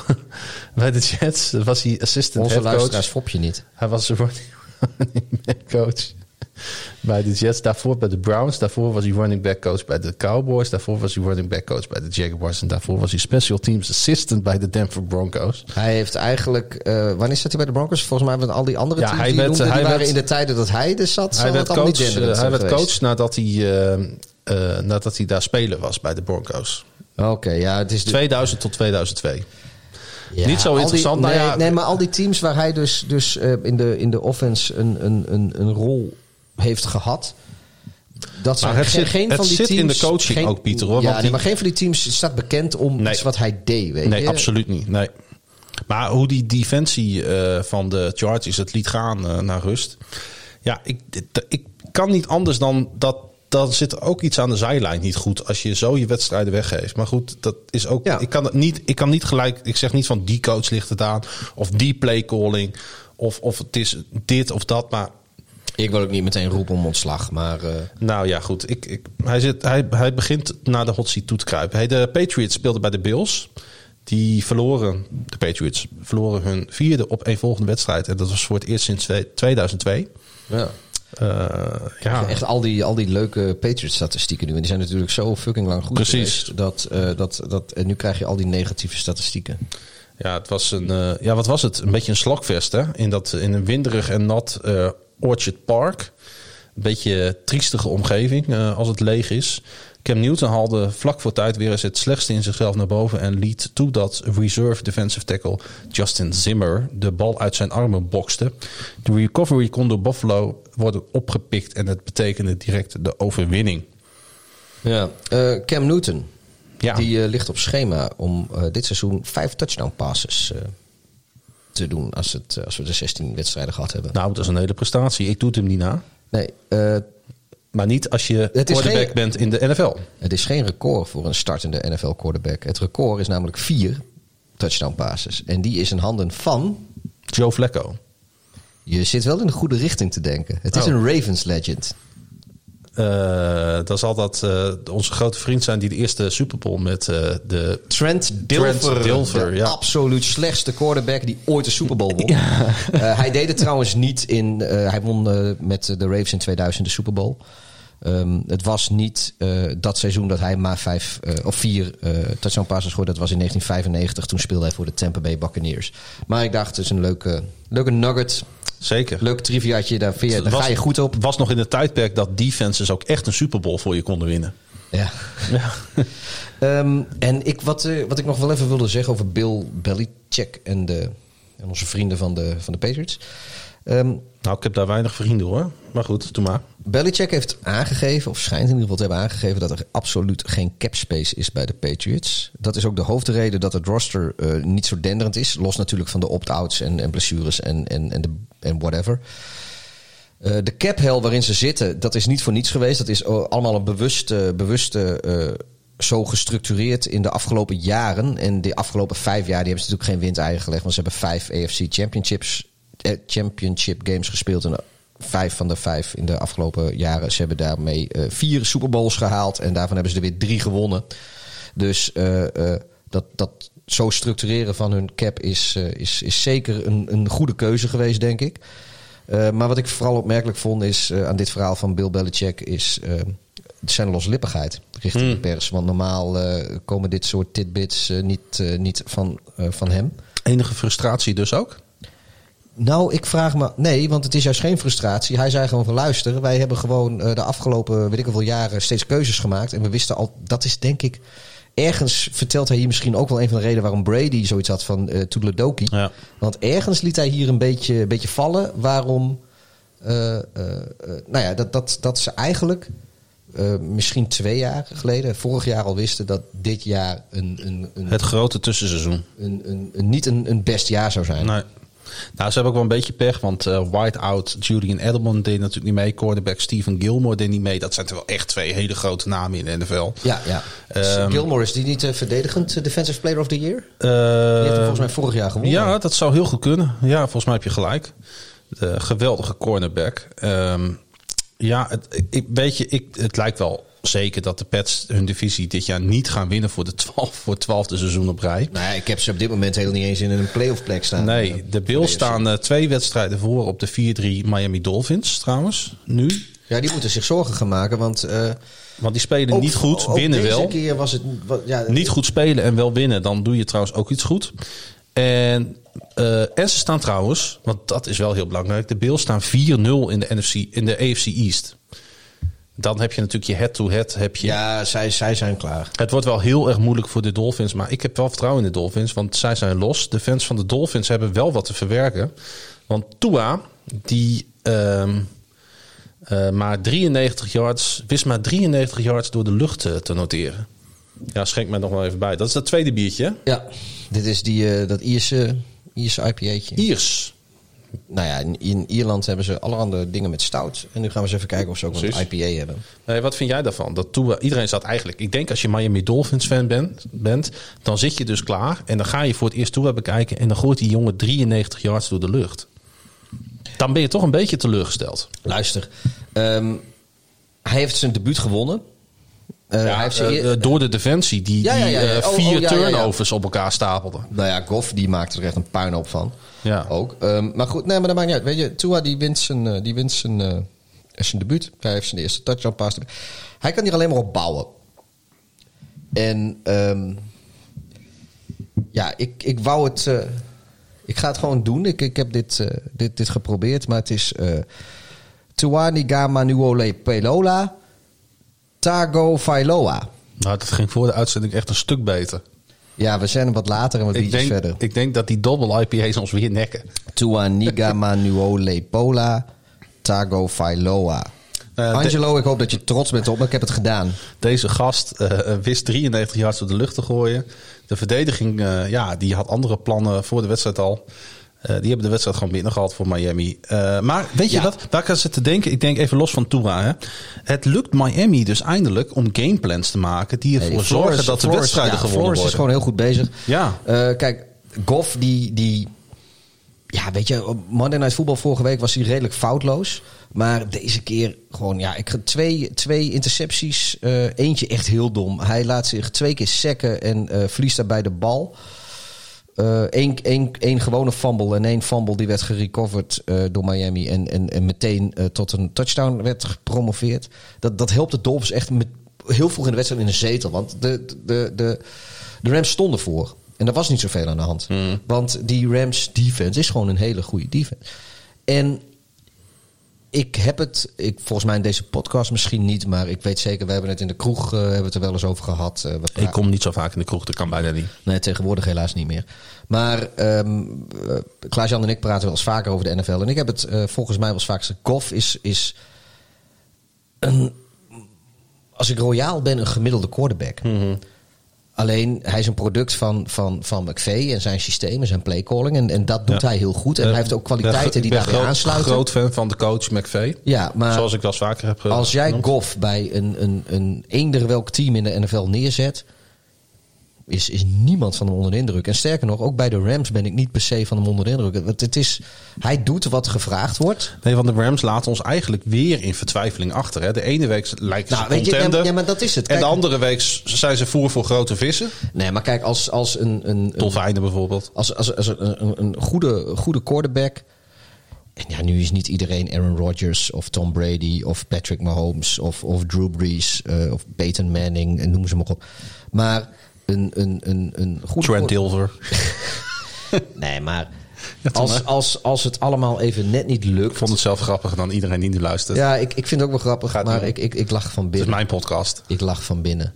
Ja. En eh, ja, weet je, dit, dit soort jongens die, die blijken dan als het tegen zit gewoon totaal niet op te staan om. Nee. om wanneer heb jij nou. Daar heb je gelijk in. Mentaliteit voor de is ver weg. Ja, nee, maar, talent om Ja. dat te doen ook. Weet je, wanneer heb jij Goff op zien staan en hebben Nou, gezegd van niks wat wij doen werkt. Ik vergelijk en hem. Ik en vergelijk nu ga hem- ik even voor jullie die weg. Nou, Kijk, ik vergelijk hem vaak met Carr. En die heeft dat wat meer. Ja, ik, ik vergelijk Goff een beetje met, met Cousins. Hmm. Ik denk ook dat als je Cousins bij de Rams zou zetten... Sterker nog, ik denk dat Cousins beter is dan Goff. Ik denk als je Cousins bij de Rams zou zetten... en die gewoon lekker, alle- lekker eh, met, eh, met McVay zou laten werken... Ja. Dan, eh, dan vliegt de jongen zo, zo naar de Super Bowl toe. Nou, ik vond het wel heel grappig. Want Maar Goff, ja, ben niet onder de indruk. als het om Tua gaat, ik vond het wel heel Don't grappig. me. nee, nee, zeker niet. zo, zo interessant is het ook weer niet. Wat, wat ik heel interessant vond, was wat Tua zei na de wedstrijd. Want ik, eh, ik heb hier mijn quote van de week. Ja, die kan nu maar beter interessant zijn naar je opmerking. Want hij eh, had een gigantische hit kreeg hij van eh, Rams defender Aaron Donald. Kreeg hij tegen. En hij die zei, niet in de running is voor Defensive Player of the Year, wat mij betreft. Nee, hij zei.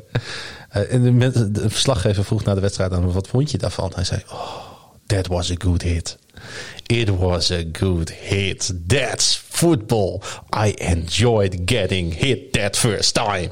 En toen dacht ik van, jij bent een blijvertje. Snap je dat? Dat, Ja. dat is toch heerlijk dat, dat je zo reageert op een hit van Aaron Donald. Van, oh, heerlijk. Kom maar op, kom Ja, maar op, kom ik- maar door. Nog een keer, nog een keer. Ik geloof dat Alex Alsof je in die Ja, achtbaan dat- zit in de Efteling dat je denkt nog een rondje. Ja, hij was, hij was er wat blijer mee dan Alex Smith een paar weken geleden, eh, geloof ik. Nou ja, ik, eh, ik, ik eh, genoot daar weer ontzettend van. De Atlanta Falcons speelden bij de Carolina Panthers en wonnen met 25-17. Ja, wij blijven denk ik toch fan van Matt Ryan. Toch? Ik wel. Ja, ze weten wel wat winnen is in Atlanta. Ja, En eh, ondanks dat het heel slecht ging. En Ryan heeft gewoon talent. En die hele aanval van Atlanta heeft talent. iedere week weer. hè. Eh, nu maar- gooide hij weer bijna 300 yards. En hij rende je- trouwens ook zelf een touchdown binnen. Ja, maar ah, weet je, als, kijk, misschien wordt het wel een keer tijd in Atlanta om op zoek te gaan naar vervangen voor Matt Ryan. En dan moet je eigenlijk dit soort wedstrijden niet winnen. Ja, dat is waar. Je wou zeggen, de Atlanta Falcons kunnen een eerste pick, eerste ronde pick. Nou, dit is een ver- verloren seizoen voor de Falcons. Ja. En, ehm, Ze denken zelf Ryan- trouwens van niet. nou ja, dat, eh, Ze denken serieus dat ze nog een eh, gooi kunnen doen. nou ja ik, ik, ik, ik hoop het voor ze. Maar ik weet het niet, want ze hebben natuurlijk heel veel NFC-nederlagen al gehad. Dus, dus ze hebben ook heel veel head-to-heads die, die tegenzitten. Ja, de Carolina Panthers zijn toch ook wel een beetje dat mediocre team wat we Ja, wel ze dachten begonnen, dat ze, ze zouden. heel goed. Ze verrast Ja. ons positief. Maar Ja. uiteindelijk is dit ook weer gewoon... Dit is wel echt een beschamende nederlaag hoor. En, en, en, en ze konden die D-line van de Falcons, nou, en dan ben je echt slecht bezig, gewoon niet tegenhouden. Bridgewater kreeg, ja, en niet eens de tijd zijn receivers fatsoenlijk te bereiken. En met name op third down valt Carolina jammerlijk. Ik zeg, het is weer tijd voor eh, McCaffrey bij de Panthers. Nou, ik geloof dat hij er eh, volgende komende speelronde is hij er gewoon bij. Weet je wat het is met de Panthers? Die gaan gewoon weer een 16e, 17e pick eh, pakken in de, in, de, in de draft. Die, die zijn gewoon weer dat, dat, dat, net niks dat, de hebt. dat Ja. grijze middenmootteam wat ze al heel lang zijn. Ik, ik, weet- het is, Ik, ik, ik, ik, ik- weet je, ik, Ze zijn, ze zijn een beetje opvulling in de NFL op deze manier. ja, ik, dit is ook een beetje. Ja, ik wil niet, lu- ik wil niet lullig het over ze doen, want ik vind best een nee, tof team. Ik vind, ik En vind, ik ben, ik, vind, ik ben groot fan van Teddy. Ik heb een poster eh, boven mijn bed hangen van Ja, hem. dat, Maar dat klopt. Maar, maar dat dacht gewoon. Je dacht toen nog dat het Lamar was. Maar eh, weet je, met alle respect voor zowel de Falcons als de Panthers. eh, het is ook een beetje vulling voor deze podcast. Eh, hebben we nog meer wedstrijden of was dit de laatste? Nee, we hebben er nog twee te gaan. Eh, en toch wel interessant affiche namelijk in, ook in de NFC. De 49ers gingen op bezoek bij de Seattle Oh ja, Seahawks. natuurlijk. En de Seahawks die bounceden aardig terug van hun verlies tegen de Cardinals vorige week. En dat was ook te danken aan, jawel, de defensie van de Seahawks. Die ervoor zorgde dat Seattle de hele wedstrijd in control was. In control was. Voor de wedstrijd tegen de 49ers noteerden de Seahawks slechts 9 sacks. En hun sackleader is Jamal Adams. En dat is notabene een safety. Hè. Dat zegt wel alles. En daarom maakte de Seattle eh, Seahawks denk ik vorige week ook Die die, hebben, ze net, eh, die hebben ze van de Jets gehaald. Hè? de Jamal Dunlap, Adams. Carlos, wat zeg je? Sorry? Nee, Jamal Adams die net zei. Die hebben ze bij de Jets. Ja, eh, en ze hebben vorige week hebben ze good old Carlos Dunlap naar Seattle gehaald. De Ook wel bekend als, Fuzzy- end. Fuzzy Dunlap. Fuzzy Dunlap. Oh, nee, dat is, eh, sorry, dat is wat anders. ja, wij, deze uitzending zit alweer vol met eh, verwijzingen Wire, naar de eh, Wire. ja, dit Ehm, hey, die pass rush van de Seahawks, ja, daar hoeven we niet moeilijk over te doen. Die was tot nou ja, deze wedstrijd niet om over naar huis te schrijven. Maar opeens waren ze daar. En toen dacht ik, ja, kijk, de Seattle Seahawks zijn een playoff team. Nou ja, niet alleen ze zijn favoriet in de NFC.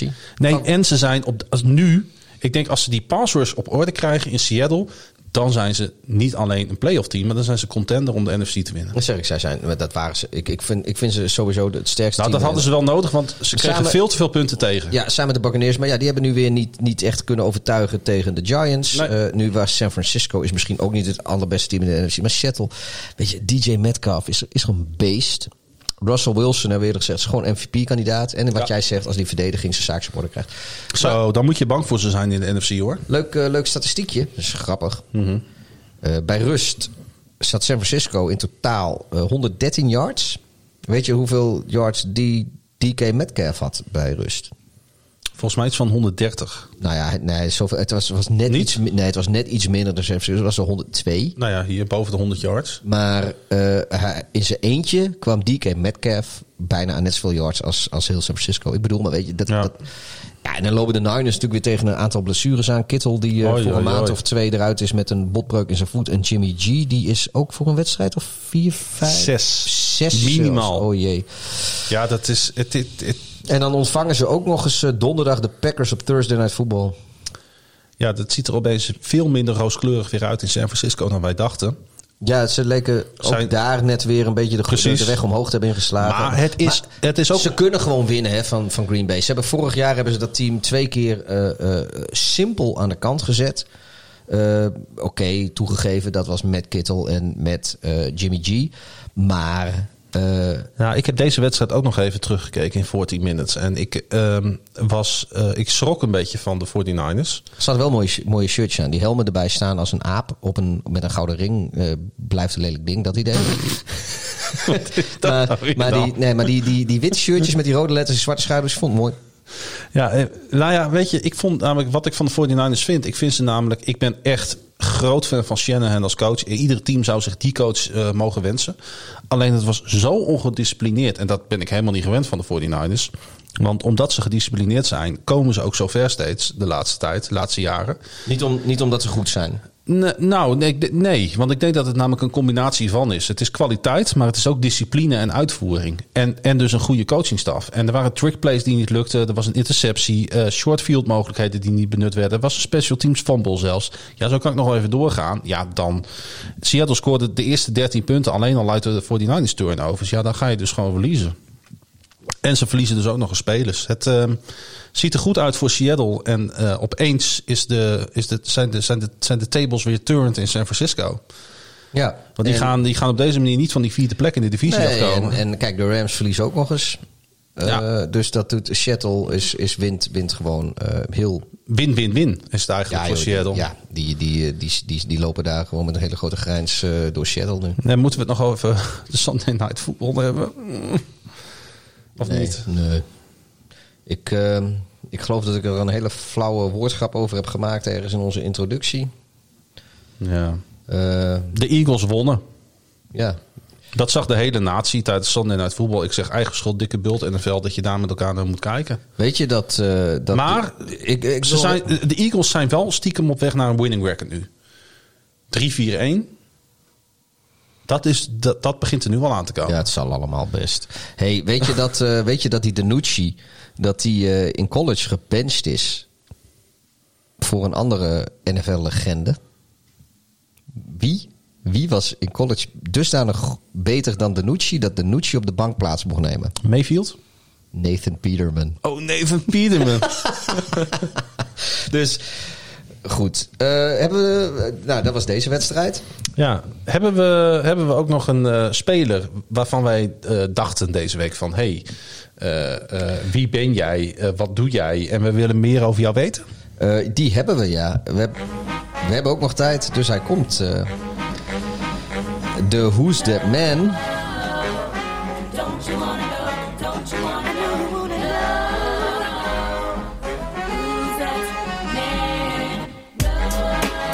Yes, de Who's That Man van deze week. Wie hebben wij eh, op de korrel? Wij hebben op de korrel deze week eh, Andrew Van Ginkel. Dat is een linebacker van de Miami Dolphins. Is het niet van Ginkel? Nou, dat is eigenlijk wel de reden dat hij eh, deze week Precies. onze man is. De Amerikanen noemen hem Van Ginkel. Wij mogen natuurlijk gewoon Van Ginkel zeggen.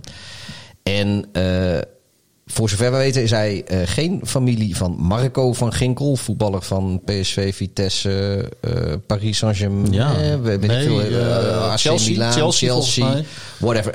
Ze zijn volgens mij geen familie van elkaar.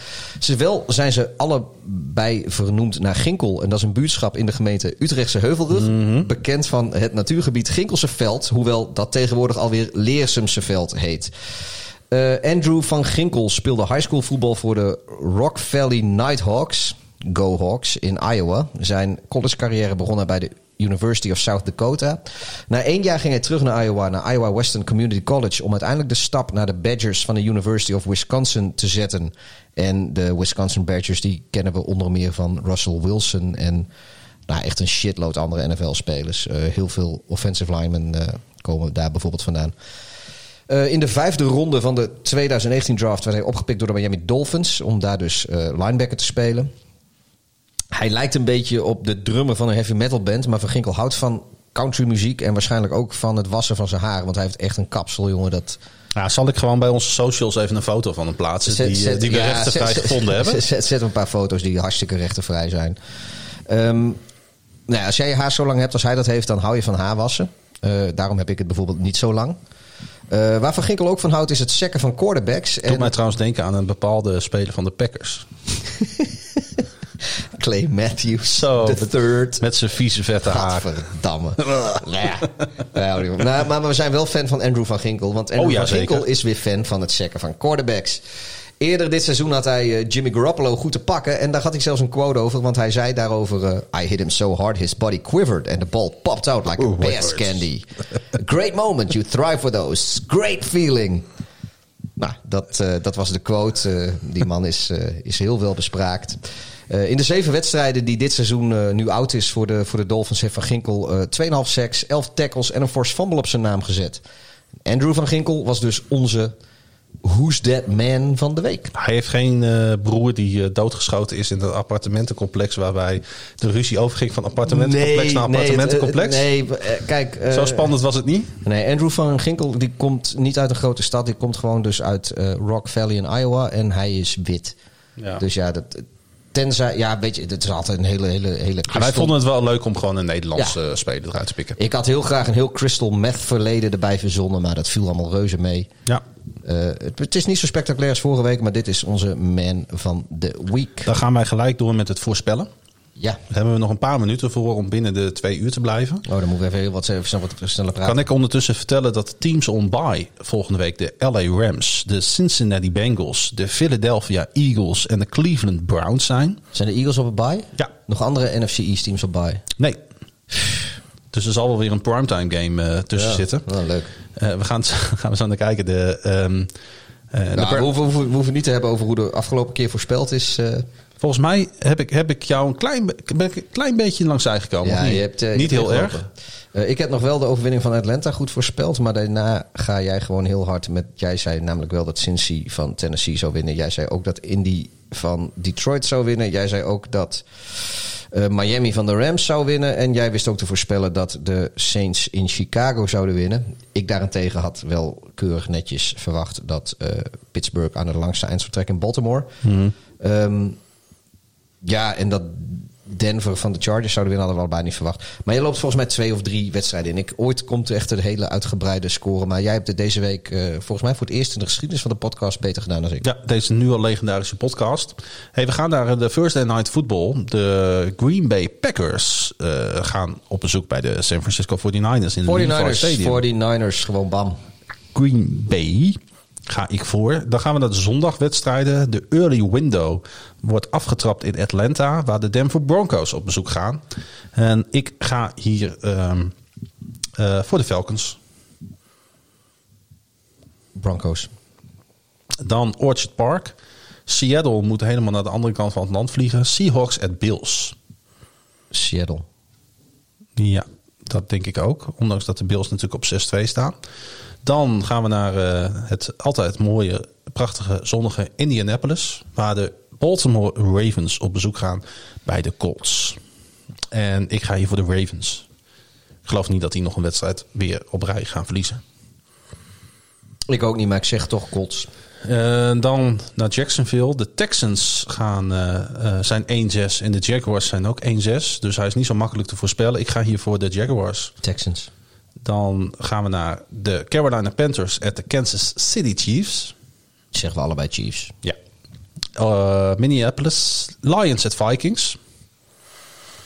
Lions. Ik ook. Ik ga ook voor de Lions. Dan de Chicago Bears. Dan ga ik nog terug naar de Vikings trouwens. ja, weet je het zeker? Ja. Oké. Jij eh, past het aan. Lions at Vikings. Ga ik voor de Lions, jij voor de Vikings. Klopt. De Chicago Bears die gaan naar de Tennessee Titans. Ja, gewoon Bears. Titans. De New York Football Giants spelen tegen Washington Football Team. Washington voetbalteam. Ik ga hier voor de Giants. Want ik denk dat ze iets beter zijn dan iedereen denkt. Ja, maar die voetbalteam die komen gewoon een bye en die hebben gewoon, zijn lekker fris. Als ze dan trouwens naar 3-5 gaan, de Washington voetbalteam, komen ze weer akelig dicht in de buurt van de Eagles. Die een bye, ja, die hebben een bye natuurlijk. Daarom. Is dat de Sunday Night Football niet trouwens, eh, Giants en, en, en voetbal? Nee, het is, het En ook niet de Monday het Night? is echt een godswonde. Oké, wat is de Sunday Night? Of, eh, Ja, daar komen we zo op. Ja? Eh, want eh, je zult, dit- we gaan het nog meemaken. Hey, dan gaan we naar de late window. Die begint natuurlijk Nederlandse tijd altijd om 5 over 10. De Raiders tegen de Chargers. De Chargers gaan gewoon een keer winnen. Fuck dat. Ik roep het gewoon. Justin Ja. Herbert, man. Ride or die. Ja, hartstikke leuk voor je. Maar ik denk dat de Raiders eh, hun eh, winning record gaan uitbouwen. Dan gaan we naar Glendale. Waar de Miami Dolphins tegen de Cardinals spelen. Over leuke wedstrijden gesproken. Cardinals. Dolphins. Ze stellen me niet teleur. Namelijk deze week niet, dus volgende week ook niet. Hey, de America's Game of the Week is namelijk Steelers at Cowboys. Steelers. Ja, dat denk ik ook. En dan gaan we naar de, de, de, de, Sunday, het is America's Game of the Week. Die is dus gewoon om vijf voor half elf. Dan hebben we de Sunday Night Football. Saints at Buccaneers. Oftewel Breeze at Brady. Brady. Breeze. En Monday Night Football. Nou, dat is echt een pot om voor wakker te blijven. Ik eh, wil graag mensen even attenderen op het feit dat ze dat in de agenda moeten noteren. Want de New England Patriots gaan op bezoek bij de New York Jets. En ik ga ze aan de Jets geven. Eh, Patriots. Oké. Heb je het allemaal genoteerd, Pieter? Nee, maar ik luister wel een keer terug. We in ieder geval één streampje erbij. Zo is het, ja. Hey, heb je iets, eh, eh, heb je iets eh, te melden aan ons? Doe dat vooral. Je kan ons namelijk vinden op, op de Twitters of op Facebook. ja. NFL op woensdag is onze handle. ja, jij bent Ed Klaasie Grun dubbel S dubbel N. Jij bent, En dubbel A. Jij bent, Niet per se in die volgorde. Jij bent at Darth Hideous. Eh, daar moet een eh, laag streepje tussen, tussen Darth en Hideous. En eh, de moeder van onze podcast is KVM Media. En je kunt hun volgen via KVM Media. Neem ook vooral een kijkje op kvmmedia.nl. En dan kun je zien welke andere podcast er onder dit prachtige... Ja, voor Oer-Groningse bedrijf vallen. Donar Basketbal Groningen is de Russo Radio. Heracles Voetbal Almelo is eh Zwart-Witte Podcast. Kon veel minder de podcast eh, paraat over FC Groningen. Ja, nou En- moeten we ze wel noemen, want ze hebben ons ook Ja, genoemd. ze hebben ons genoemd. Dus eh, weet je, we stoppen die hele grote markt 1 over de politiek in Groningen doen we gewoon niet. Jawel man. Oh, nou, luister daar ook naar. Ik weet dat de mensen uit, uit Zuid-Limburg, uit Eindhoven, uit Tilburg luisteren. Die willen toch weten wat er in de gemeen, Groningse gemeentepolitiek We hebben, we, hebben, we, hebben, we hebben ook een luisteraar in Potsdam. Oh, ik zag dat we ook acht luisteraars in Amerika hebben. Die wil allemaal weten wat er speelt aan de Goed, grote hè? markt 1 in, in Groningen. We houden onze... Hey, jongens, eh, ga lekker slapen of word lekker wakker of, of ga aan het werk of kom terug van je werk. Wat jullie ook maar doen. eh, ja, en als wij, de dit, volgende keer. als wij dit gaan terugluisteren, dan weten we misschien wel wie, eh, wie de komende vier jaar president van Amerika is, Pieter. ja, wel denken dat you dat wordt. En, Nou, daar zou, daar zou Donald Trump wel eens kunnen worden. of Mion. die ander. Of die ander. Biden? Nee, Biden. Biden, Biden kan uit. Biden kan uit. Er moet er één zijn. Ken er maar één wezen. Bedankt naar het luisteren naar NFL op woensdag. Beste maar weer.